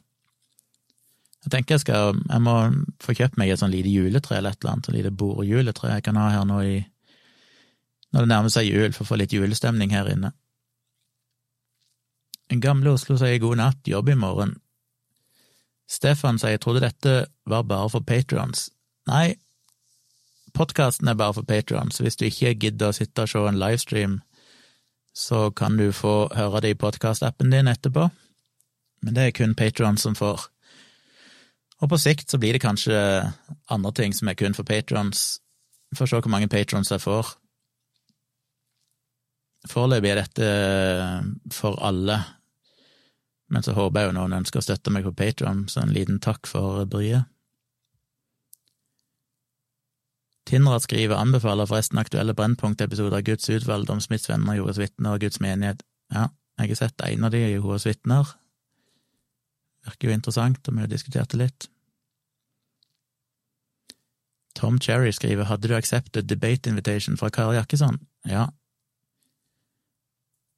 Det hadde jeg under de rette omstendighetene, det vil si at jeg vil ha muligheten til å google ting underveis, fordi jeg vet jo når du debatterer med sånne folk, som ofte kommer med masse informasjon som kan høres troverdig ut, og de er helt overbevist om, sånn som sist når vi jeg reacta på live her og påsto at det var 10 eh, psykopater i verden, det var bare å sjekke det, det var sant, og så sjekka jeg det, og så var det 1 altså, Hvis ikke du får sjekka det, så er det fort gjort at hun fremstår som hun snakker sant, men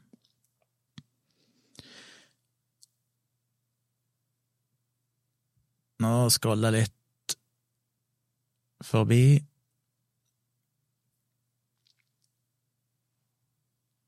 Per skriver at tomprat er bedre enn dumprat, som det finnes nok av i andre livestreams. Ja, hva er egentlig greia med livestreams? Jeg har ikke helt fått med meg Er det mange andre som driver med det? Det er sjelden det dukker opp livestreams i min YouTube-feed, men jeg følger jo nesten ingen nordmenn, da jeg følger jo primært utenlandske, og jeg ser de en og annen gang kjøre en livestream, men det er ganske sjelden, så jeg vet ikke hvordan det er, om det er mange andre nordmenn som driver med det.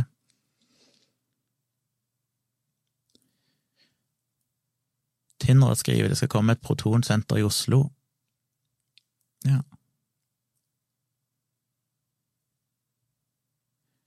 Men vi må egentlig Tida flyger her.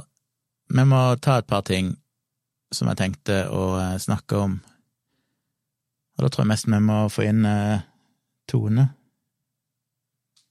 Hvis du har lyst til å komme her.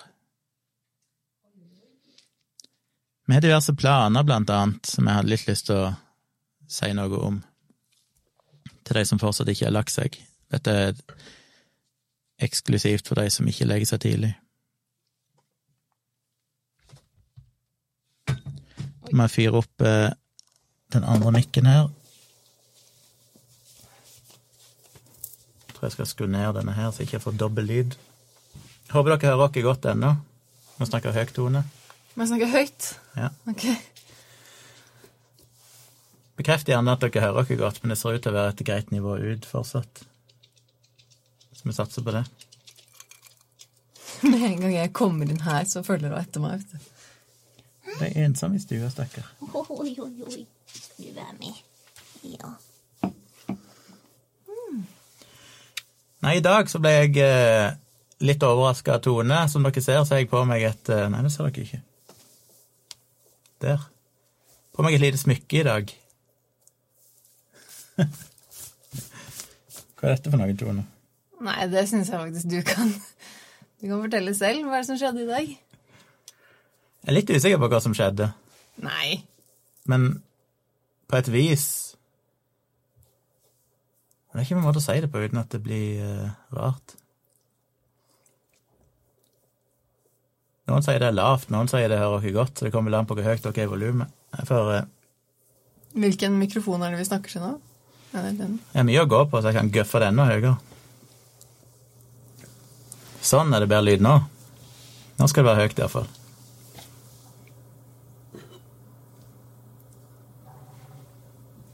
Nei, jeg fikk, en, eh, jeg fikk beskjed i dag plutselig etter jobb om at jeg måtte stille meg opp på gulvet. Og så Du fikk beskjed! Ja, det var jo en beskjed, så jeg tror nesten du må stå opp her nå. Ja. Og jeg tenkte åh, nå satt det så godt. Du fikk litt noia da, gjør du ikke det?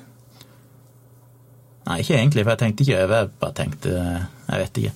Greia er at uh, meg og Tone har jo vært sammen nå i to år. Og vi er ikke helt sikre på hva som er den offisielle liksom, dagen. Men siden vi visste at det var sånn rundt desember i gang, begynnelsen av desember, så vi bare for å gjøre det enkelt, så sa vi 1. desember er, er dagen vår. Nå er det for høyt plutselig. Ok. Ok, jeg demper litt igjen. Ja, for jeg spurte, jeg spurte jo deg egentlig når er egentlig Når er liksom kjærestedagen? For når man ikke er gift Kjærestedagen.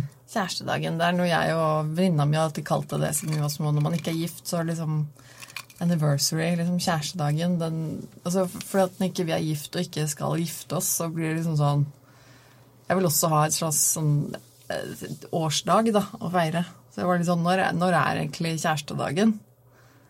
For det er jo gjerne sånn at man, det er ikke sånn som når man gikk på barneskolen lenger, at man spør på deg, og så blir man kjærester. Spør på deg, seriøst? er det sa? Um, og så Så da er det jo litt vanskelig å si liksom dato, kanskje. Så da jeg spurte deg hvilken dato er kjærestedagen, så sa du 1. desember, og så sa jeg ok, greit. Viktig å ha en dato som er lett å huske.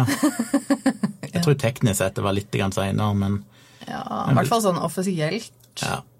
For det var en gradvis affære der vi først ble kjent, og så gikk det en stund, og så skjønte vi at det var noe mer. Og så var vi vel på en måte kanskje litt sånn i praksis sammen tidligere, men vi var begge sånn usikre, for det var diverse omstendigheter som gjorde at det var vanskelig å, å si noe, så vi gikk vel ut sånn, sånn offisielt, så var vi vel enige. Jeg tror vi var ganske enige om at etter vi hadde vært i Japan, og det var jo i begynnelsen av november, så det kan jo være vi egentlig har passert kjærestedagen. Jeg er usikker, men 1. desember er sånn midt i av det vi tror området er. Så i dag så ble jeg jeg vet ikke, Vi skal jo ikke gifte oss. Ingen av oss ønsker å gifte seg. Vi var gift før begge to. Ingen av oss har noen sånn veldig store ideer om ekteskap og sånne ting. Men på en eller annen måte så ble jeg vel nesten fridd til i dag. Ja. For det vi snakka om det tidligere i samboerprat og sånn òg, at eh, vi har jo begge sansen for ideen om å være forlova, i den forstand at du sier at det er deg jeg ønsker å være med. Men vi har ikke noe lyst til å Begge har jo sagt at det som er det store med et ekteskap eller et bryllup, er jo egentlig forlovelsen. Det er jo det som burde feires, at du er forlova deg. Det at du gifter deg, er jo på en måte mer en formalitet overfor staten og en mer symbolsk handling. Men det er jo ikke når du står og gifter deg at du egentlig lover noe. Det gjør du jo når du faktisk forlover deg. Det er da du erklærer din kjærlighet på et vis. Og Tone kjenner meg såpass godt at hun vet at jeg aldri hadde klart å somle meg til å få gjort noe med det, for jeg er bare sånn som tenker at ja, ja, når vi var sammen i 25 år, det var jo Da går det sikkert videre òg. Jeg er litt der. Så hun måtte ta ansvar, og så er jo bak ryggen min holdt jeg på å si, planlagt å, og fri. Kall det fri, for det er jo en sær form for fri, men, men dette er min eh, forlovelsesring, da, tydeligvis. Som er et eh, en, et gullsmykke i ekte gull som inneholder et eh, kjemisk element som nå er det nye kjemiske elementet GT. Som ikke står for Gunnar Tjomli, men som står for Gunnar Tone. Som det står i veldig liten skrift nederst, så står det Gunnar pluss Tone. Og så står det en kjemisk formel eller molekyl, eh, et eller annet. Er det en kjemisk formel? Det er eh, Det er en kjemisk formel, iallfall. elektronkombinasjonen Ja. til For gull. For, for gull, ja. Og så er atomnummeret er 2018, for Ja. det var offisielt da vi ble et par. Så eh, på, et, på en måte så er vi vel Jeg liker ikke det at vi er forlova, for det er så klisjé. Ja, jeg skjønner, jeg skjønner, jeg skjønner Jeg har lyst til å finne et annet ord på det. Kom gjerne med tips til hva er du når du er forlova, men du er ikke forlova i den forstand. Vi er forlova, men vi er liksom Med ingen ambisjoner for, om å gifte oss? for evig forlova. Fordi at vi har jo ikke tenkt til å bli gift, vi skal bare være forlova. Hun har bestemt seg for at hun orker å holde ut meg inntil videre. Og jeg har sagt Ubestemt, ok, da. Uh, ubestemt tid. Ja, så av den grunn så måtte vi jo feire med med litt eh, Jeg på å si konjakk, men det er det ikke. Portvin og hvitvin. Ja. For anledningen, som dere fikk bevitne, at i dag, 1. desember 2020, som er offisielt sett et eller annet som ikke vi har et ord på. Skål. Nå er det i hvert fall kjærestedagen. Ja, nå er det kjærestedagen uansett hvor vi vil. Det er ikke den mest eksklusive portvinen, men den er god, den her òg. Men jeg må si jeg er ganske stolt over eh, ideen min. At jeg skal, jeg skal kjøpe noe til deg som er noe du kan gå med og har lyst til å liksom gå med hver dag, som passer deg, og som er litt unikt. For jeg er jo litt sånn, jeg har ikke lyst til å bare gi noe random, og så trodde jeg ikke du helt var typen til å liksom gå med ring. Jeg så ikke helt for meg at det var greia. Men jeg måtte jo jeg er litt sånn, Hvis jeg først skal gi en gave som er litt spesiell, så vil jeg at det skal være litt spesiell. Så det, det endte jo selvfølgelig med at jeg måtte designe det selv. Så jeg må si, jeg, jeg syns det er litt kult at jeg fant på fant på det. At jeg lagde et element til oss det, i det periodiske systemet. Vanker nok en nobelpris i kjemi snart. Det er sånn det skjer, er ikke det du bare finner på et nytt element. Men det føles jo litt Veldig sånn. Problemet er at når det er atomnummer 2018, Ja, jeg vet det. så er det 2018 protoner i kjernen, som nok Ja, betyr at det er veldig ustabilt og sikkert ikke eksisterer mer enn i et milliondel sekund. Ikke kall elementet vårt ustabilt. Nei, men det er du som gjør det. Du skal gitt det atomnummer 1. Nei, men det var opptatt. Ja, det er sånn. Det er noe med det. 0,5. Nei, men makes no sense. Nei, men Nei. jeg syns det, det ble kult, altså. Sånn, jeg, og så tenkte jeg sånn, i verste fall sånn Hvis du eh, Hvis du på en måte følte deg litt ukomfortabel med å gå med det, eller hvis du syntes det var litt teit, eller et eller annet, så tenkte jeg sånn Ja ja, greit, men da kan jeg gå med det. jeg syns faktisk det var så kult at jeg tenkte sånn Jeg kan lett gå med det der hvis du ikke orker. Skifte kamera. Ja, jeg ser det. Viser meg fra min beste vinkel. Er det din beste vinkel? Aner ikke. Dette er min beste vinkel òg. Ja, nei, men det var originalt. Jeg, synes jeg, jeg, Jeg tror aldri jeg har hatt noen ting av gull før. Har du ikke? Så det er første gang jeg har noe som er gull. Oi. Når, jeg- når vi sier det offisielt på YouTube at jeg har noen gull der, så kommer jeg til å bli slått ned og rana nå. Når ut forbi Ja. døra. Men ja, nei, den var kul. Ja, jeg synes, og så er det litt gøy med liksom å gjøre Jeg hadde lyst til å gjøre det i 2020. Av flere årsaker. Jeg tenkte liksom 2020, det er liksom Vi skal sette en positiv spinn på dette drittåret. Og så føler jeg at det er fint Nei, og så vet jeg at du har jo syntes at dette har vært veldig fint, men for de fleste andre, da. Eh, Men, men Og så er det fint 2020 er sånn lett å huske på. 1. desember 2020, 01, 12, 20.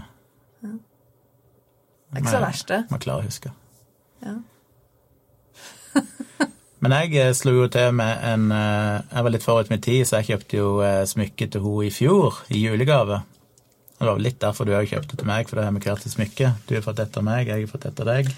Det var et av tankene, en av tankene med det, ja. Jeg syns det var litt passende at da har vi liksom ett hver. Siden vi ikke skal gå med noen sånn ring og sånn, så har vi i hvert fall et gullsmykke hver som vi har gitt hverandre, da. Det er jo litt koselig. Ja. det med skuls. Ja. Jo, nå må jeg se hva dere skriver i kommentarfeltet her. Oi, der kom det mye kommentarer. Uh, Oi, oi, oi. Ja, det var mange. Måtte jammen meg scrolle her. Masse gratulerer. Takk til alle. Roy minner dere på at det er aids-dagen òg. Det er greit å huske på. Ja, ok. Jeg vet ikke hva det vil si. Men det er sikkert en fin ting. Vikram skriver at syretesten har bestått. To år, ikke det er sju år eller sånn du må overleve. Oi. Er etter sju år folk går ifra hverandre. Gratulerer, gratulerer. Good Roy skriver 'tatovere-ring' nå. Ja. Ja. Jeg har jo en eh, tatovering eh, her som eh, symboliserer meg og eksmannen min, som er en T og en S. Fordi eksmannen min heter Sverre. Men jeg har helgardert meg jo litt i forhold til at jeg heter Sabro til etternavn. Men altså, det er jo ikke noe jeg angrer på. Han er jo fortsatt en del av familien min. Uh, så jeg tenkte på det sånn Ja vel, men betyr det at jeg nå, siden jeg da har skiftet, at jeg må ha en tatovering som symboliserer deg også? Så begge den fordelen med at hvis vi skulle gå ifra hverandre, så kan GT stå for Gunnar Kjomli. Altså, Ja. Ingen som sier at det står Gunnar pluss Tone i liten Nei, det var veldig lite, så det syns ikke så godt. Så det er sant, det. Ja, Sebastian er har den viktigste meldingen her. Gratulerer så masse. Bare ordne ektepakk, så du får beholde alt lydutstyret. Ja. Nå må vi jo skrive en virkelig sånn eh, samboerkontrakt her. ja. Men vi har jo vurdert å opprette et AS. Um, min form for romantikk er jo litt spesiell. Den første, mest romantiske gesten jeg gjorde, det var jo å inkludere Tone i min eh, iCloud Family-konto, som jeg gjorde ganske tidlig. Kort tid etter vi Ja, var blitt sammen, ja. så sa jeg du, jeg legger deg til Family-kontoen her. Og det føler jeg jo er noen hakk mer ja. Det var enn litt å gifte stort. seg. Ja det, var, ja, det var litt stort. Det er mer forpliktende, det. Ja. For når du skal melde deg ut igjen, så mister du masse apper og greier. Ja. Nummer to var og uh, I dag så sendte jeg, og helt uvitende om det som skulle skje seinere, så satt jeg på do, og så kom plutselig Facebook med noe sånn eh, 'Kanskje du skal oppdatere profilen din?' Så tenkte jeg ja, ja, la meg sjekke om det er noe som er utdatert. Og så kom det en sånn eh, greie om å opprette en sånn nødperson som hvis jeg kryperer, så er det noen som kan ta over kontoen min og gjøre det om til ei minneside. Og det har jeg gjort med mamma og pappa. Jeg oppretter det for dem. Men så tenkte jeg jo hvis jeg kryperer, så er det greit at noen kan konvertere sida mi til ei minneside, så ikke bare blir stående som et sånt spøkelse. Jeg har sjøl venner som har døyd, og det er like ubehagelig alltid når deres Ja, når Facebook-siden blir stående, ja. ja, Oh, Facebook-profilen, og så er det plutselig folk som skriver et eller annet til dem, eller noen som skriver på deres vegne plutselig, eller noe sånt. Det er jo creepy. Men ja, jeg syns det er greit at noen kan gjøre det om til minnesider. Så det følte jeg var veldig forpliktende. Det er nesten det som et ekteskap å gjøre hun om til min eh, forvalter av Facebook-profilen. Ja. Plutselig så fikk jeg sånn eh, veldig formell eh, Standardmelding. formell standardmelding på Facebook om at jeg har nå satt deg som Hva var det det sto for noe? Kan du ikke lese den meldingen? Fordi den var litt morsom, faktisk. Hvor det sto sånn jeg kan, fi- Hvis ikke du har den, så kan jeg finne den. Ja, det står vel her. Hei, Tone. Facebook lar folk velge en minnekontoforvalter som kan administrere kontoen deres hvis det skulle skje dem noe. Du kjenner meg godt, og jeg stoler på deg. Derfor har jeg valgt deg. Si fra hvis du vil snakke om det. Si ifra hvis du vil snakke om det. Jeg syns det var så fint. Så jeg bare en thumbs up i retur. Ja. Altså, jeg, smilte litt da jeg fikk den meldinga. Jeg smilte, og så tenkte jeg ja, det er greit. Så det er min form for romantikk, det å inkludere folk i mine internettkontoer. Ja, nei, men eh, som jeg sa til deg tidligere òg, at eh, Og så er det jo litt gøy med da å kunne si at jeg Altså, jeg har jo gift, vært gift før, du har vært gift før. Eh, da du giftet deg sist, så var det du som fri, fridde, var det ikke det? Jeg tror vi fridde. Jeg tror det var min daværende samboer som bare sa vi hadde fått en unge, og så var det litt sånn Du, det er jo mye enklere å bare bli gift. Ellers må vi jo skrive masse avtaler om arv og alt mulig sånn. Ja. Så sa vel jeg bare sånn Ja, jo, det skal jeg gjøre det. Og så Jeg tror det var frieriet. Ja, ok. okay. så, men, men sist gang jeg var forlovet, da, så ble jeg fridd til. Og jeg tenker at det er litt gøy også at denne gangen så er det på en måte jeg som har gått ned på kne. For det er du gikk liksom faktisk ikke- ned på kne. Jeg gikk faktisk ned på kne. men er liksom Det jeg ikke visste, var at hun hadde satt opp et kamera som filma hele seansen. Selvfølgelig! Jeg er en YouTuber. Så jeg tror det kommer en vlogg fra henne snart som eh, er litt ubehagelig. Den må, jeg, den må jeg faktisk godkjenne, tror jeg, før jeg tør å la det gå ut. Ja, det er greit. Jeg hadde nettopp tatt i øyedråper, for jeg lider av tørre øyne. Og så mens hun sto og snakka til meg der, så begynte jeg å gjøre sånn, og tørka vekk sånn overflødig tårevæske eller sånn dråpe. Så det så, ut som, så ut som jeg sikkert sto der og grein og grein. Ikke at det var noe galt i det, men det var ikke det jeg gjorde. Jeg, jeg syns det er helt greit at det ser ut som du står og gråter. Ja, men bare kjør på lyden, så ser det ut som jeg står der og Nei, men Det er ikke alle som, tenker, som kan, eh, som kan eh, krysse av det på sjekklisten sin, tenker jeg. At jeg har både vært fridd til og fridd til noen. Det syns jeg er litt gøy. Glenn Ronach skriver at kjæresten min her vil se mer av hunden. Å ja. ja. Nå gikk hun akkurat ut av rommet her.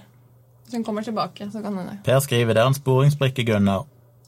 Ikke la deg lure, nå vet du hvor du er til enhver tid. Hun har meg allerede både på Sendly og Apple eh, hvor er-greiene og sånn, så hun ser hva jeg er uansett.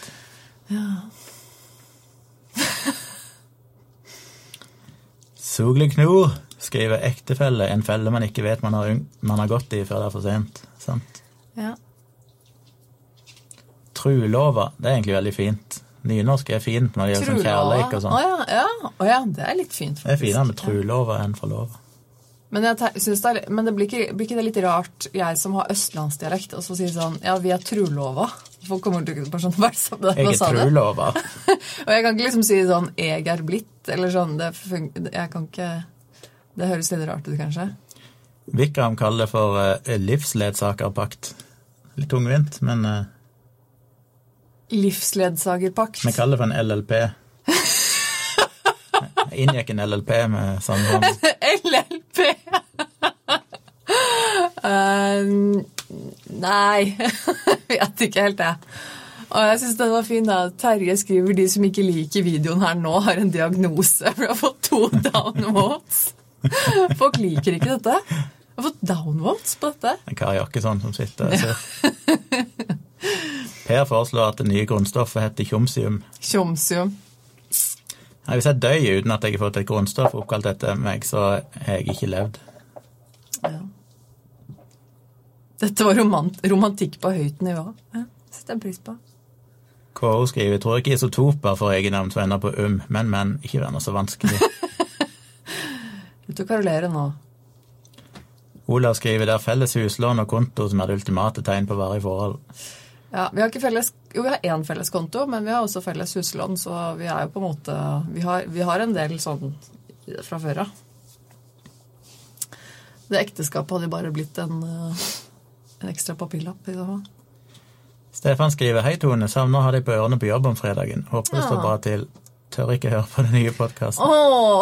Åh, nei. Den er ikke så skummel.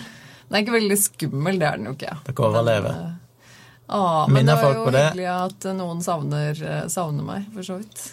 Det han snakker om, er altså Virkelig grusomt-podkasten, som eh, kom i episode to i går.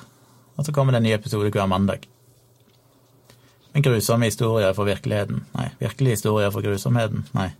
Virkelige historier om grusomme hendelser. Sånn var det. Den finner dere på Spotify og i podkast-apper overalt. Så sjekk ut eh, Virkelig grusomt. Det er meg og Tone som forteller virkelige historier om grusomme hendelser. Men det er faktisk første person som har kommentert at de savner podkasten min. Det var litt hyggelig.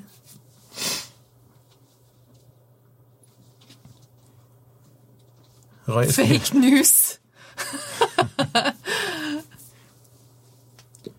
Roy spør sa jo plutselig dere hadde fått en unge. Vi har en pelsunge. Pelsbaby. Ja. Nei, eh, min eks har ikke at vi plutselig hadde fått en unge. Det hadde jeg fått med meg, faktisk. Overraskende nok. Vi hadde hatt ungen i ca. et halvt år når det skjedde, så det kom ikke helt overraskende på meg. Men hun konkluderte vel med at siden vi hadde en unge, så var det noen formaliteter som burde gjøres. Og da fant vi ut vi skulle gifte oss. Min eks, altså. For Tid var det? 13 år siden? 12 år siden? Noe sånn. Ja. ja. Så det var nyhet nummer én. Nyhet nummer to Som er også involverer meg. ja, Hey. ny rekord på antall downloads. Har to stykk. Nei, jeg tror jeg har fått to tidligere òg. Muligens ikke under livesendinger, men jeg tror jeg har fått flere downloads enn to òg på etterkant, når folk ser. Folk liker ikke at jeg er med, og at vi er kjærester og sånn. Så dårlig gjort. Um, vi har, siden vi er så glad i å sitte her og livestreame, så har vi så vidt snakka litt om det tidligere, at vi lurte på om vi skulle gjøre noe på julaften. Og så ble plutselig det en litt større greie, for vi tenkte først sånn ja, vi kan kjøre en liten livestream på julaften, hvorfor ikke, liksom, det kan jo bli gøy. Men så tenkte vi plutselig la oss gjøre noe skikkelig ut av det. Og nå vet vi ennå ikke helt hva det blir til, og det kommer mer informasjon når vi vet, og alt det jeg sier nå, må dere ta med en klype salt, for det er jo ikke alt som er spikra, men for å kaste ut noen ideer som en liten teaser, så tenker vi å kjøre en two-parter på julaften. Tanken er jo at uh, det er folk som er ensomme, kanskje spesielt nå i koronatida, folk kan ikke reise til familie og sånn. Jeg har sjøl sittet alene på julaften. Mm. men de gangene jeg har vært alene, så har jeg brukt det til å prøve å gjøre noe positivt. En gang så deltok jeg på et sånn alternativ jul for, hjem, for eh, barnehjemsbarn og fosterbarn og folk som ikke hadde nødvendigvis en fosterbarn fosterbarn, det ikke barnehjemsbarn, et eller annet, og innvandrerunger sånn som kanskje ikke hadde en sånn julefeiring. Så veldig hyggelig. Det var en kveld med masse folk nede på Tøyen. Eh, Og jeg stilte opp med det jeg kunne, og det var å være lydtekniker. Så jeg kjørte lyd og lys hele kvelden, da. Så det var koselig. Og en annen julaften så kjøpte jeg inn masse poser med stæsj, med julesnacks og termos og sitteunderlag og klementiner og alt mulig rart. Så lagde jeg, og tepper og sånne ting. Så lagde jeg noen sånne poser, og så reiste jeg ut i Karl Johan, og så delte jeg ut eh, gaveposer til, til uteliggere. Som òg var trivelig. Da fikk jeg med meg, da annonserte det på Facebook om noen ville hjelpe meg, og så var det noen stilte opp, så vi var en gjeng på fire stykker sånn, som spredde oss utover og prøvde å Det var overraskende vanskelig. Det tok lang tid å finne, Å finne dem, liksom? å finne folk, ja, og så liksom Og jeg opplevde vel ikke de mest rørende historiene, men det var hun ene som var der. Hun fortalte jo etterpå hvor rørende det var, for det var en som liksom brøt ut i gråt. Det var liksom ikke måte på hvor, hvor mye det betydde for han, dette her. Jeg er sånn som bare blir brydd, så jeg er sånn Jeg vil helst bare gi posen til dem, og så vil jeg ikke de skal drive og takke sånn, for det blir bare styr. Så jeg sånn god jul. Du blir sånn når noen prøver å fri til deg òg. ja. Litt mye oppstyr, som jeg kaller det. Så det har jeg gjort de to julene jeg var alene. De andre julaftenene har jeg stort sett hatt dattera mi eller vært med familien. Men i år så er det ikke så lett å gjøre sånne ting. Det er jo alternativ jul som Er det Frelsesarmeen som delvis står bak det? Jeg er ikke helt sikker. Men som blir arrangerte i Oslo, sånn så det var avlyst og sånn. Og så det minste vi kan gjøre, tenkte jeg, det var jo å, å kanskje kjøre en livestream og se om noen har lyst til å se på det. Så vi kommer til å kjøre en two-parter, tenker vi. En som blir sånn sein ettermiddag, det vi tenker kanskje er før middag for de fleste. Det er jo, folk har jo forskjellige tradisjoner, men folk får jo delta når de kan. Som kanskje kommer til å være i tre timer, sånn kanskje tre til seks eller et eller annet sånn ish. Og så kommer vi til sjøl og spiser julemiddag og åpner gaver og sånn. Og så kjører vi på igjen litt seinere, kanskje i ellevetida eller et eller annet sånt, og holder på så lenge det er folk som vil se på. Men da tenker vi å gjøre det til noe mer enn bare en livestream der vi sitter, så vi har litt lyst til å se om vi kan få med oss en del andre folk. Så jeg har en del navn på lista, folk jeg skal spørre om det er noen om folk er villige, kjendiser og artister og sånn. Hvis vi er heldige nok til at de har tid til å dra opp mobilen sin og være med i kanskje fem minutter, og bare få de opp på skjermen her, ha en liten prat med forskjellige folk og høre hvordan det går. Det hadde vært veldig hyggelig. Kanskje jeg klarer å få noen artister jeg kjenner til å dra en liten trall med kassegitar eller piano eller noe sånt på julaften, som jeg kan streame live. Kanskje det blir en julequiz. Jeg tenkte kanskje vi skulle prøve å få til en innsamling òg. Kanskje folk har lyst til å donere noe penger. Eh, Jeg er jo ikke så fan av julegaver og alt det styret der, så jeg syns det er litt kult å kunne bidra til å heller samle inn penger til et eller annet formål som kan trenge det. Eh, var det flere ting vi tenkte på? Mm. Nei, ikke noe sånn Ja, det var det vi snakket om. Prøve å få med noen folk eh, Ja, så tenk. Og... tenkte jeg òg på det at kanskje vi kan få til en eh, enten via Instagram eller Twitter eller en eller annen plass at dere kan sende inn bilder av dere sjøl. Ja, stemmer det snakket vi om, ja. For det hadde vært litt koselig at folk tok en selfie av seg sjøl på julaften Mm. og sendte inn, og så kan vi vise dem på skjermen her, så vi får litt sånn fellesskap, folk kan se hvem hverandre Føler hverandre det blir er. en litt sånn alternativ NRK. Ja, dette blir, eh, hvis ikke dere vil se den klassiske NRK-jula, så kan dere se Tvilsomt med Kjomli, der det blir en eh, Tvilsom jul. tvilsom jul. Ja, kanskje det vi skal kalle det. Tvilsom jul. Tvilsom jul. Vi leter etter et navn, ser du. Hva skal vi kalle det? Tvilsom jul. Åh, ja. Ja, kanskje Vi kan spørre Lahlum om han blir med på julaften. Ja, han må vi få på lista. Ah, det hadde vært konge. Solveig skriver Lahlum, altså. Solveig savner jo podkasten din. Å, takk, Solveig. Det var hyggelig. Det kommer mer, altså. Det bare blir ikke sånn ukentlig lenger. Stefan skriver 'dra med Dag og få et sett på ti teite'. Ja, Dag er jo definitivt den vi skal spørre. Det hadde vært så kjipt om Dag ikke kunne. Han er bare med å stille opp. For du trenger ikke en datamaskin engang, du kan bruke mobilen din. Ja. Det er bare, Jeg sender folk en link, og så er det bare å klikke på linken, og så kan de bare stå og holde mobilen og, og sier god jul, og så stiller vi kanskje noen spørsmål om julefeiringer og sånn. Altså. Jeg synes nesten litt synd på Dag nå, fordi han, eh, han, Jeg vet han hater det. han er blitt litt sånn obligatorisk å ha med på sånne ting nå. Han kommer til å hate det, men eh, jeg skal presse han. Jeg tror ikke vi får han til å gjøre et sett på ti teite, men eh, Nei. han tar vel fri den dagen. Men den julehilsen, det må vi kunne få for Dag. Ja, det håper. Jeg syns han burde kle seg ut som nisse eller et eller annet. Ja.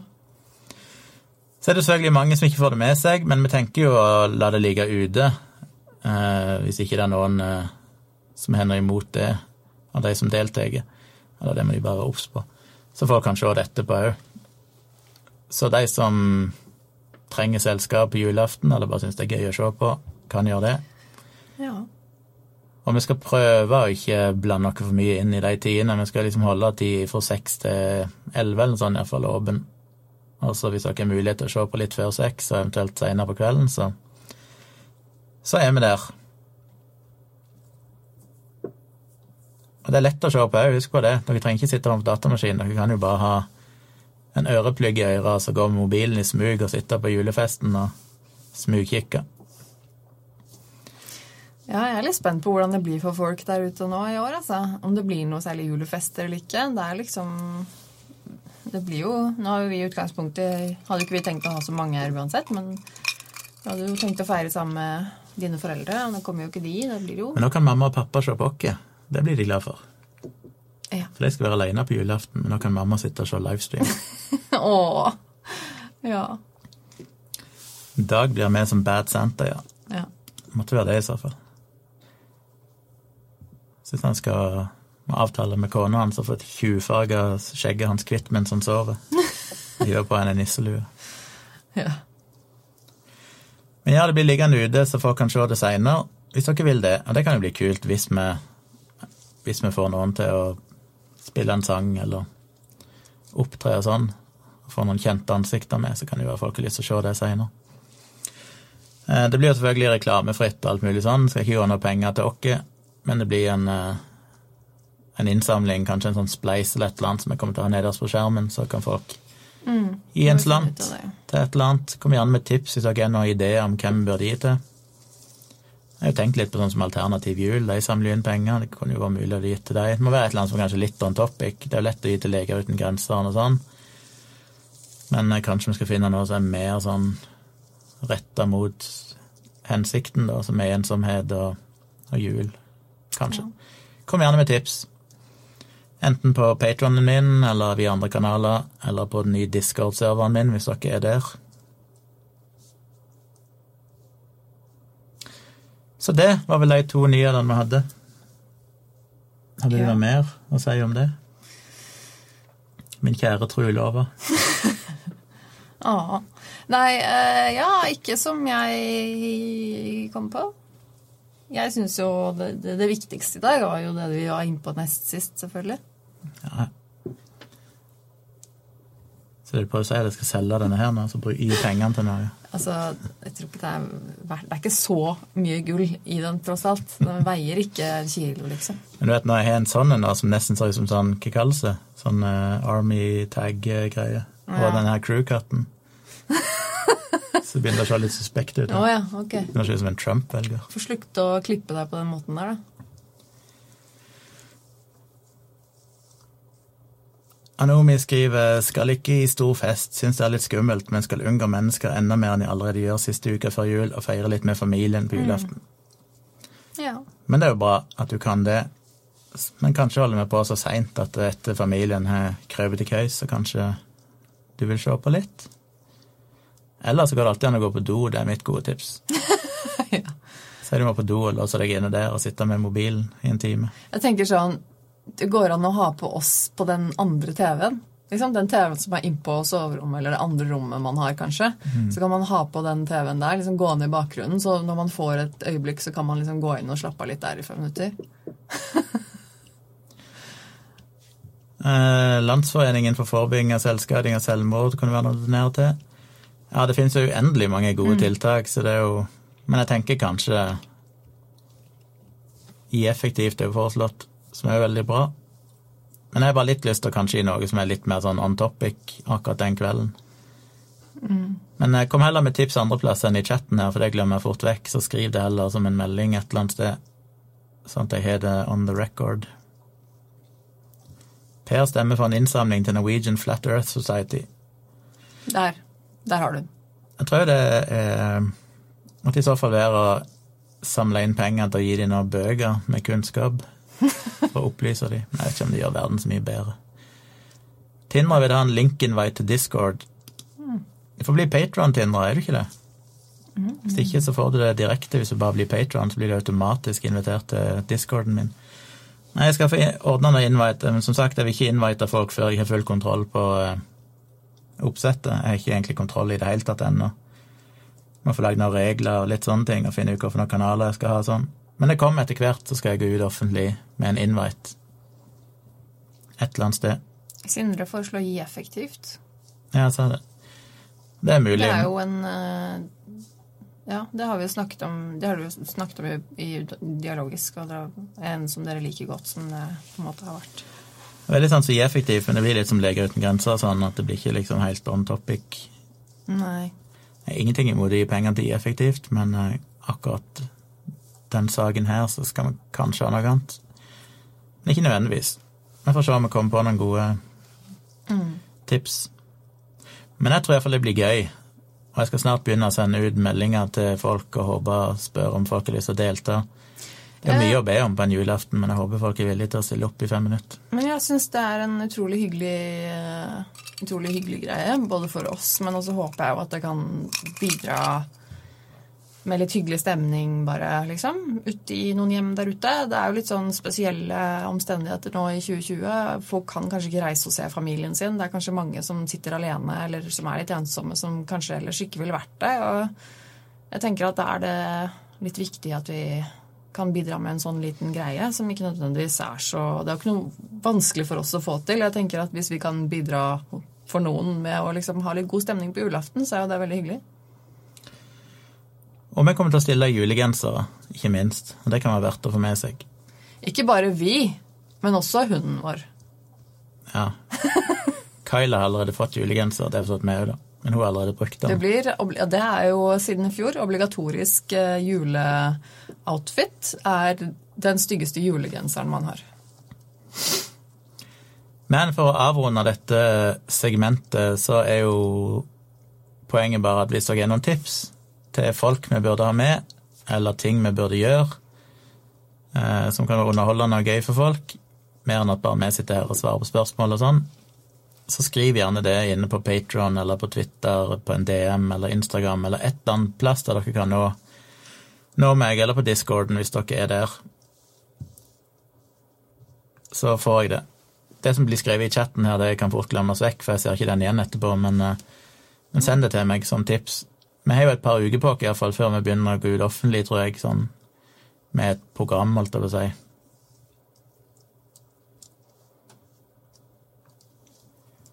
Ja. Folk er positive, det er veldig hyggelig. Vi har jo lyst til at dere skal være med og, og bidra litt og forme dette her. Så vi håper dere kommer med noen tips.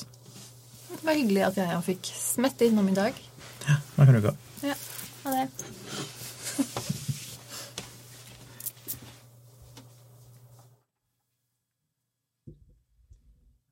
Jeg switcher tilbake til min andre mic, med en litt mer eh, radiovennlig lyd. Jeg ser folk begynt å eh, køye litt. Det begynner vel å bli seint. Hva er klokka blitt? Holdt på i to timer. Ja, det er jo ikke mer enn midnatt. Det er jo early days fortsatt.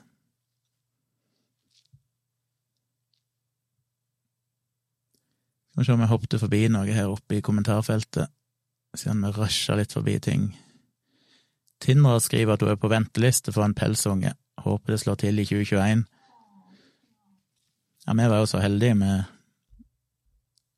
Heldige med å få tak på den hunden vi fikk når vi gjorde det. Regna med vi skulle måtte vente i mange måneder, men så Så sto plutselig stjernene på rekke og rad, tydeligvis. Det er fortsatt bare to downvotes, Erik, så det er jo bra. Anomi sier ha-ha, hvorfor kan jeg relatere så mye til Gunnar? Jeg føler ut ifra det lille jeg har fått med meg av det Naomi skriver, at det, det er en sånn uh, sjelevenn i Kristiansand.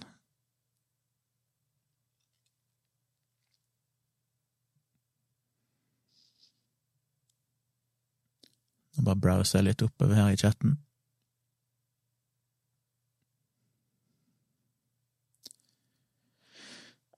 Naomi sier fortsatt 52 som ser på. Akkurat nå er det 48 her hos meg. Oi, da kom den en upvote. Nei, men hyggelig at dere er her fortsatt og eh, ser på. Jeg vet ikke om jeg har så fryktelig mye mer å si. Jeg eh, Jeg tenker jo at jeg kommer til å bruke discorden min litt til planlegging av julesending og ting og tang. Så eh, jeg håper jo Jeg har ikke en egen kanal for akkurat den juleplanlegginga, men det må ikke bli for mange kanaler med ikke så mange folk der inne. Men det blir nok litt planlegging der, der jeg kommer til å spørre om litt råd, for eksempel til quiz og sånne ting, eller folk som kan være med. Hvis dere kjenner noen, det må jeg jo si, hvis dere tilfeldigvis kjenner noen som er kjente, så kjenner en person som dere tror eh, folk kunne ha lyst til å se, og dere har en kontakt, kanskje dere vil eh, være med og dra lasset og tipse dem om julesendinga vår og spørre om det var noe de kunne tenke seg. Um, Kanskje en av dere er nabo til Erna Solberg, og spør om hun lyst til å komme med en uh, hilsen ifra statsministeren på tvilsom på tvilsom jul med Kjomli. Så må dere spørre henne, og så tipse meg etterpå at jeg kan ta kontakt. Kristian sier Lahlum som faller av stolen hadde vært kjekt å se på stream, men jeg går den gangen. Jeg vet ikke om jeg kan garantere det. Det er mulig jeg sjøl faller av stolen. Jeg vet ikke om det er like underholdende. Men ja, hvis dere kjenner noen som er holdt på å si, gåsehud kjendiser, eller som er flinke artister, eller et eller annet sånt, som kan bidra, så er det veldig kult om dere vil eh, trekke i noen tråder, og se om dere kan få de med. Anomi spør vet du om en bra app for å høre på lydbøker man kan importere sjøl. Litt misfornøyd med den appen jeg har, men finner ikke noe veldig bra alternativer på IOS. Begynte å høre på placebo-defekten. Så bra. Nei, jeg er ikke så veldig dreven i lydbøker. Jeg må jo opplyse for de som ikke har fått det med seg, at det finnes to versjoner av placebo-defekten lydbok. Det finnes min versjon, som jeg ikke lest inn sjøl, og som dere enten kan eh, bestille på tjomli.com slash bestill. Da kan dere bestille både papirbøker, men dere kan også bestille lydbok. Da får dere lydfilene til nedlasting. Men eller dere kan bli Patrion, da. Da får dere de inkludert i prisen for en 50-lapp i måneden, så får dere lydbøkene. Men det kom jo som en overraskelse for meg her for noen måneder siden da jeg oppdaga at uh, norsk Hva heter det igjen? Blinde og svaksyn... Nei, Bibliotek for blinde, NBL, M... NLB Jesus.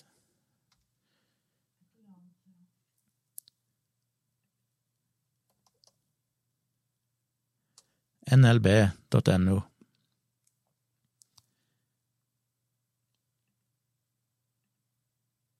NLB står for Norsk lyd- og blindeskriftbibliotek. På nlb.no så finner dere òg placebo-defekten som lydbok, og der er den jo profesjonelt innspilt, med en eh, bergenser eller noe sånt som leser boka. Når den dukka opp, så visste jo verken forlaget om det eller meg, bare plutselig var det noen som sa du, placebo-defekten finnes som lydbok, og ingen visste om det. Men det er noen sånne regler fra staten om at NLB har lov til det, uten å spørre forlaget eller noen. Så har de automatisk rett til alle bøker som blir gitt ut i Norge, tydeligvis. Eh, og det er jo helt topp for meg. Så det hadde lest inn placebo-defekten, som jeg syntes var utrolig gøy. Men grunnen til at jeg leste den inn sjøl, var fordi at på NLB så må du søke om medlemskap, og du må da kunne dokumentere at du har leseproblemer, enten du er svaksynt eller har konsentrasjonsproblemer eller er blind, eller et eller annet sånt.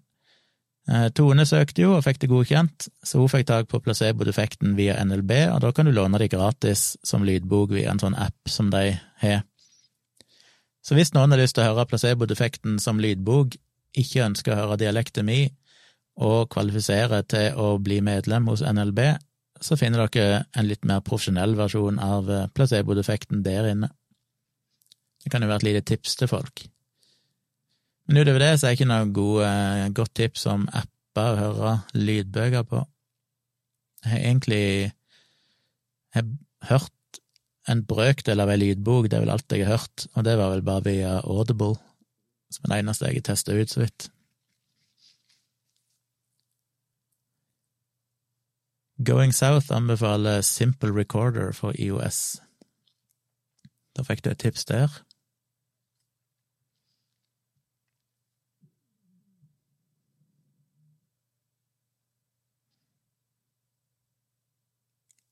Sugleknug anbefaler DOS 522. DOS 522 DOS svikter jo aldri.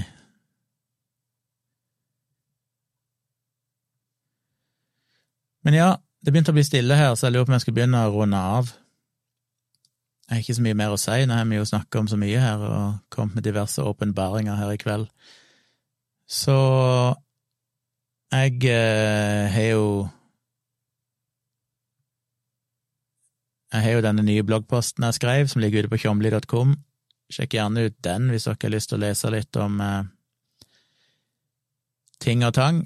Men den siste bloggposten min, som jo handler om dette med sånne regis, offentlige register over overgrepsdømte og nabovarsling av overgrepsdømte og sånne ting, eh, den ligger ute, og den har jeg lyst til å lage en video om. Jeg hadde jo en plan om å lage video i helga, som jeg sa, og det gjorde jeg ikke, men jeg er ikke så misfornøyd, for at jeg endte opp med å skrive en omfattende bloggpost, og det var egentlig nok.